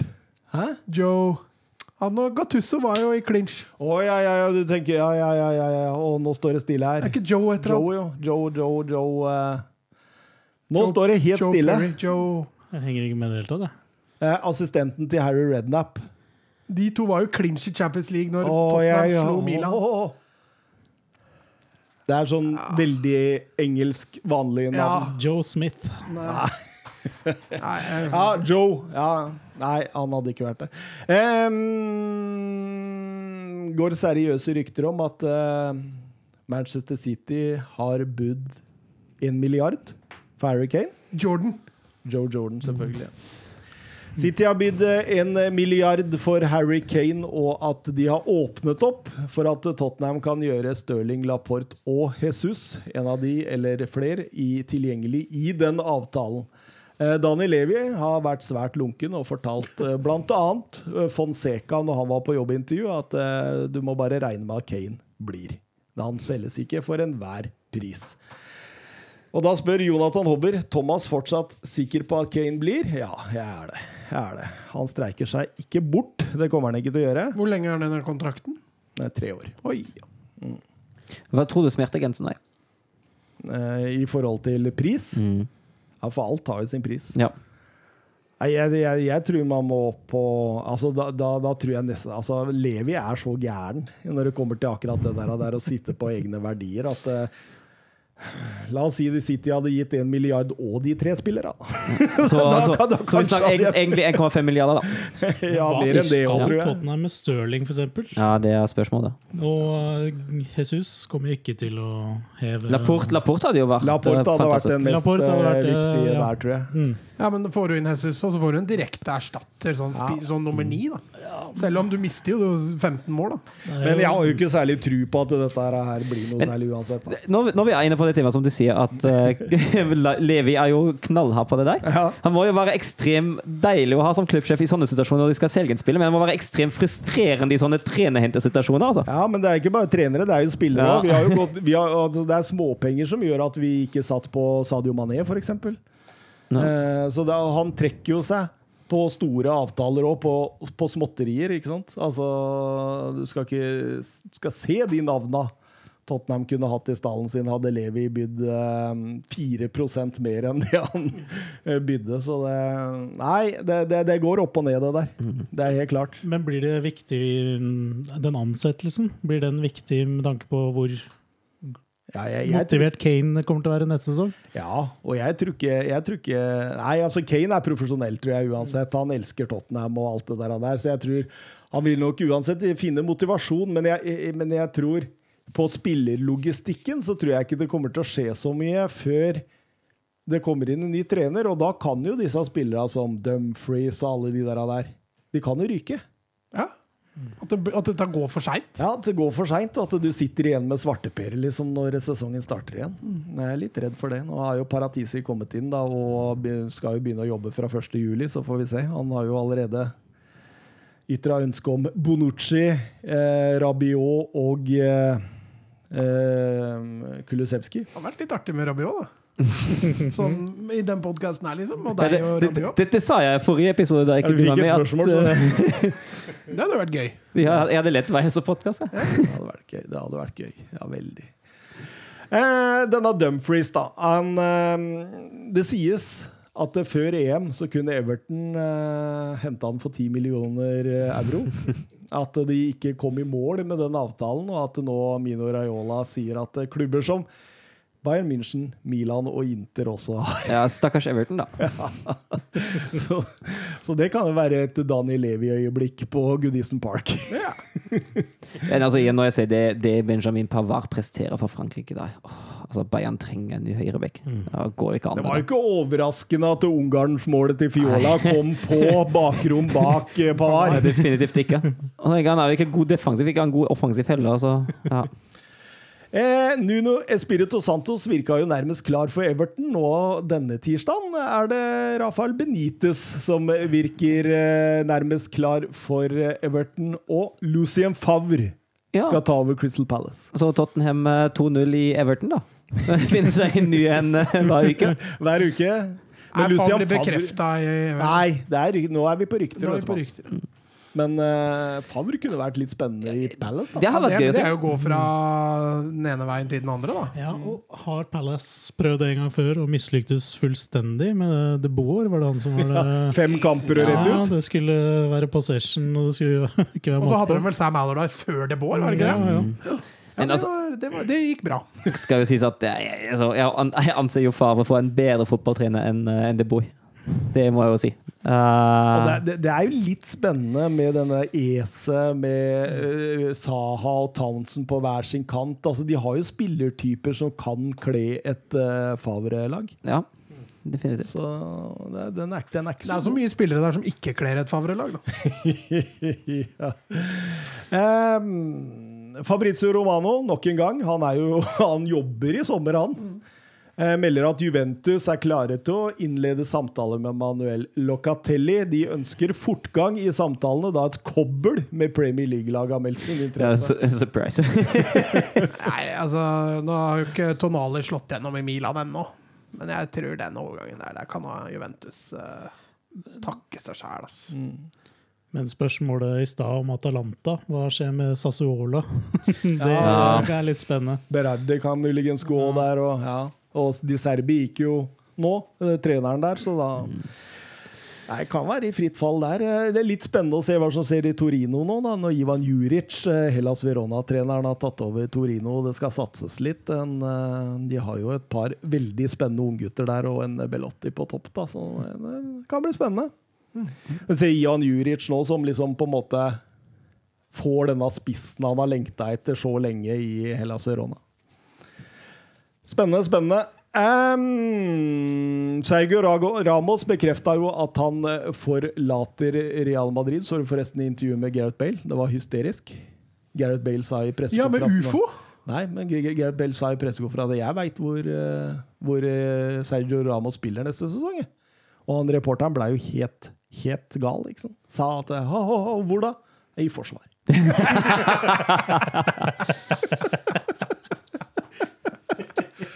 Men så du ikke om det med ufo? da? Hva var det? Nei, bare det at han trodde på ufoer, og det har vært så Ja, mye observasjoner og sånn. Ja, men det er jo av det, Nei, men det er på grunn av det amerikanske forsvaret nå, som har kommet ut med de har åpenhet rundt alle ufo Det er noen sånne greier der nå.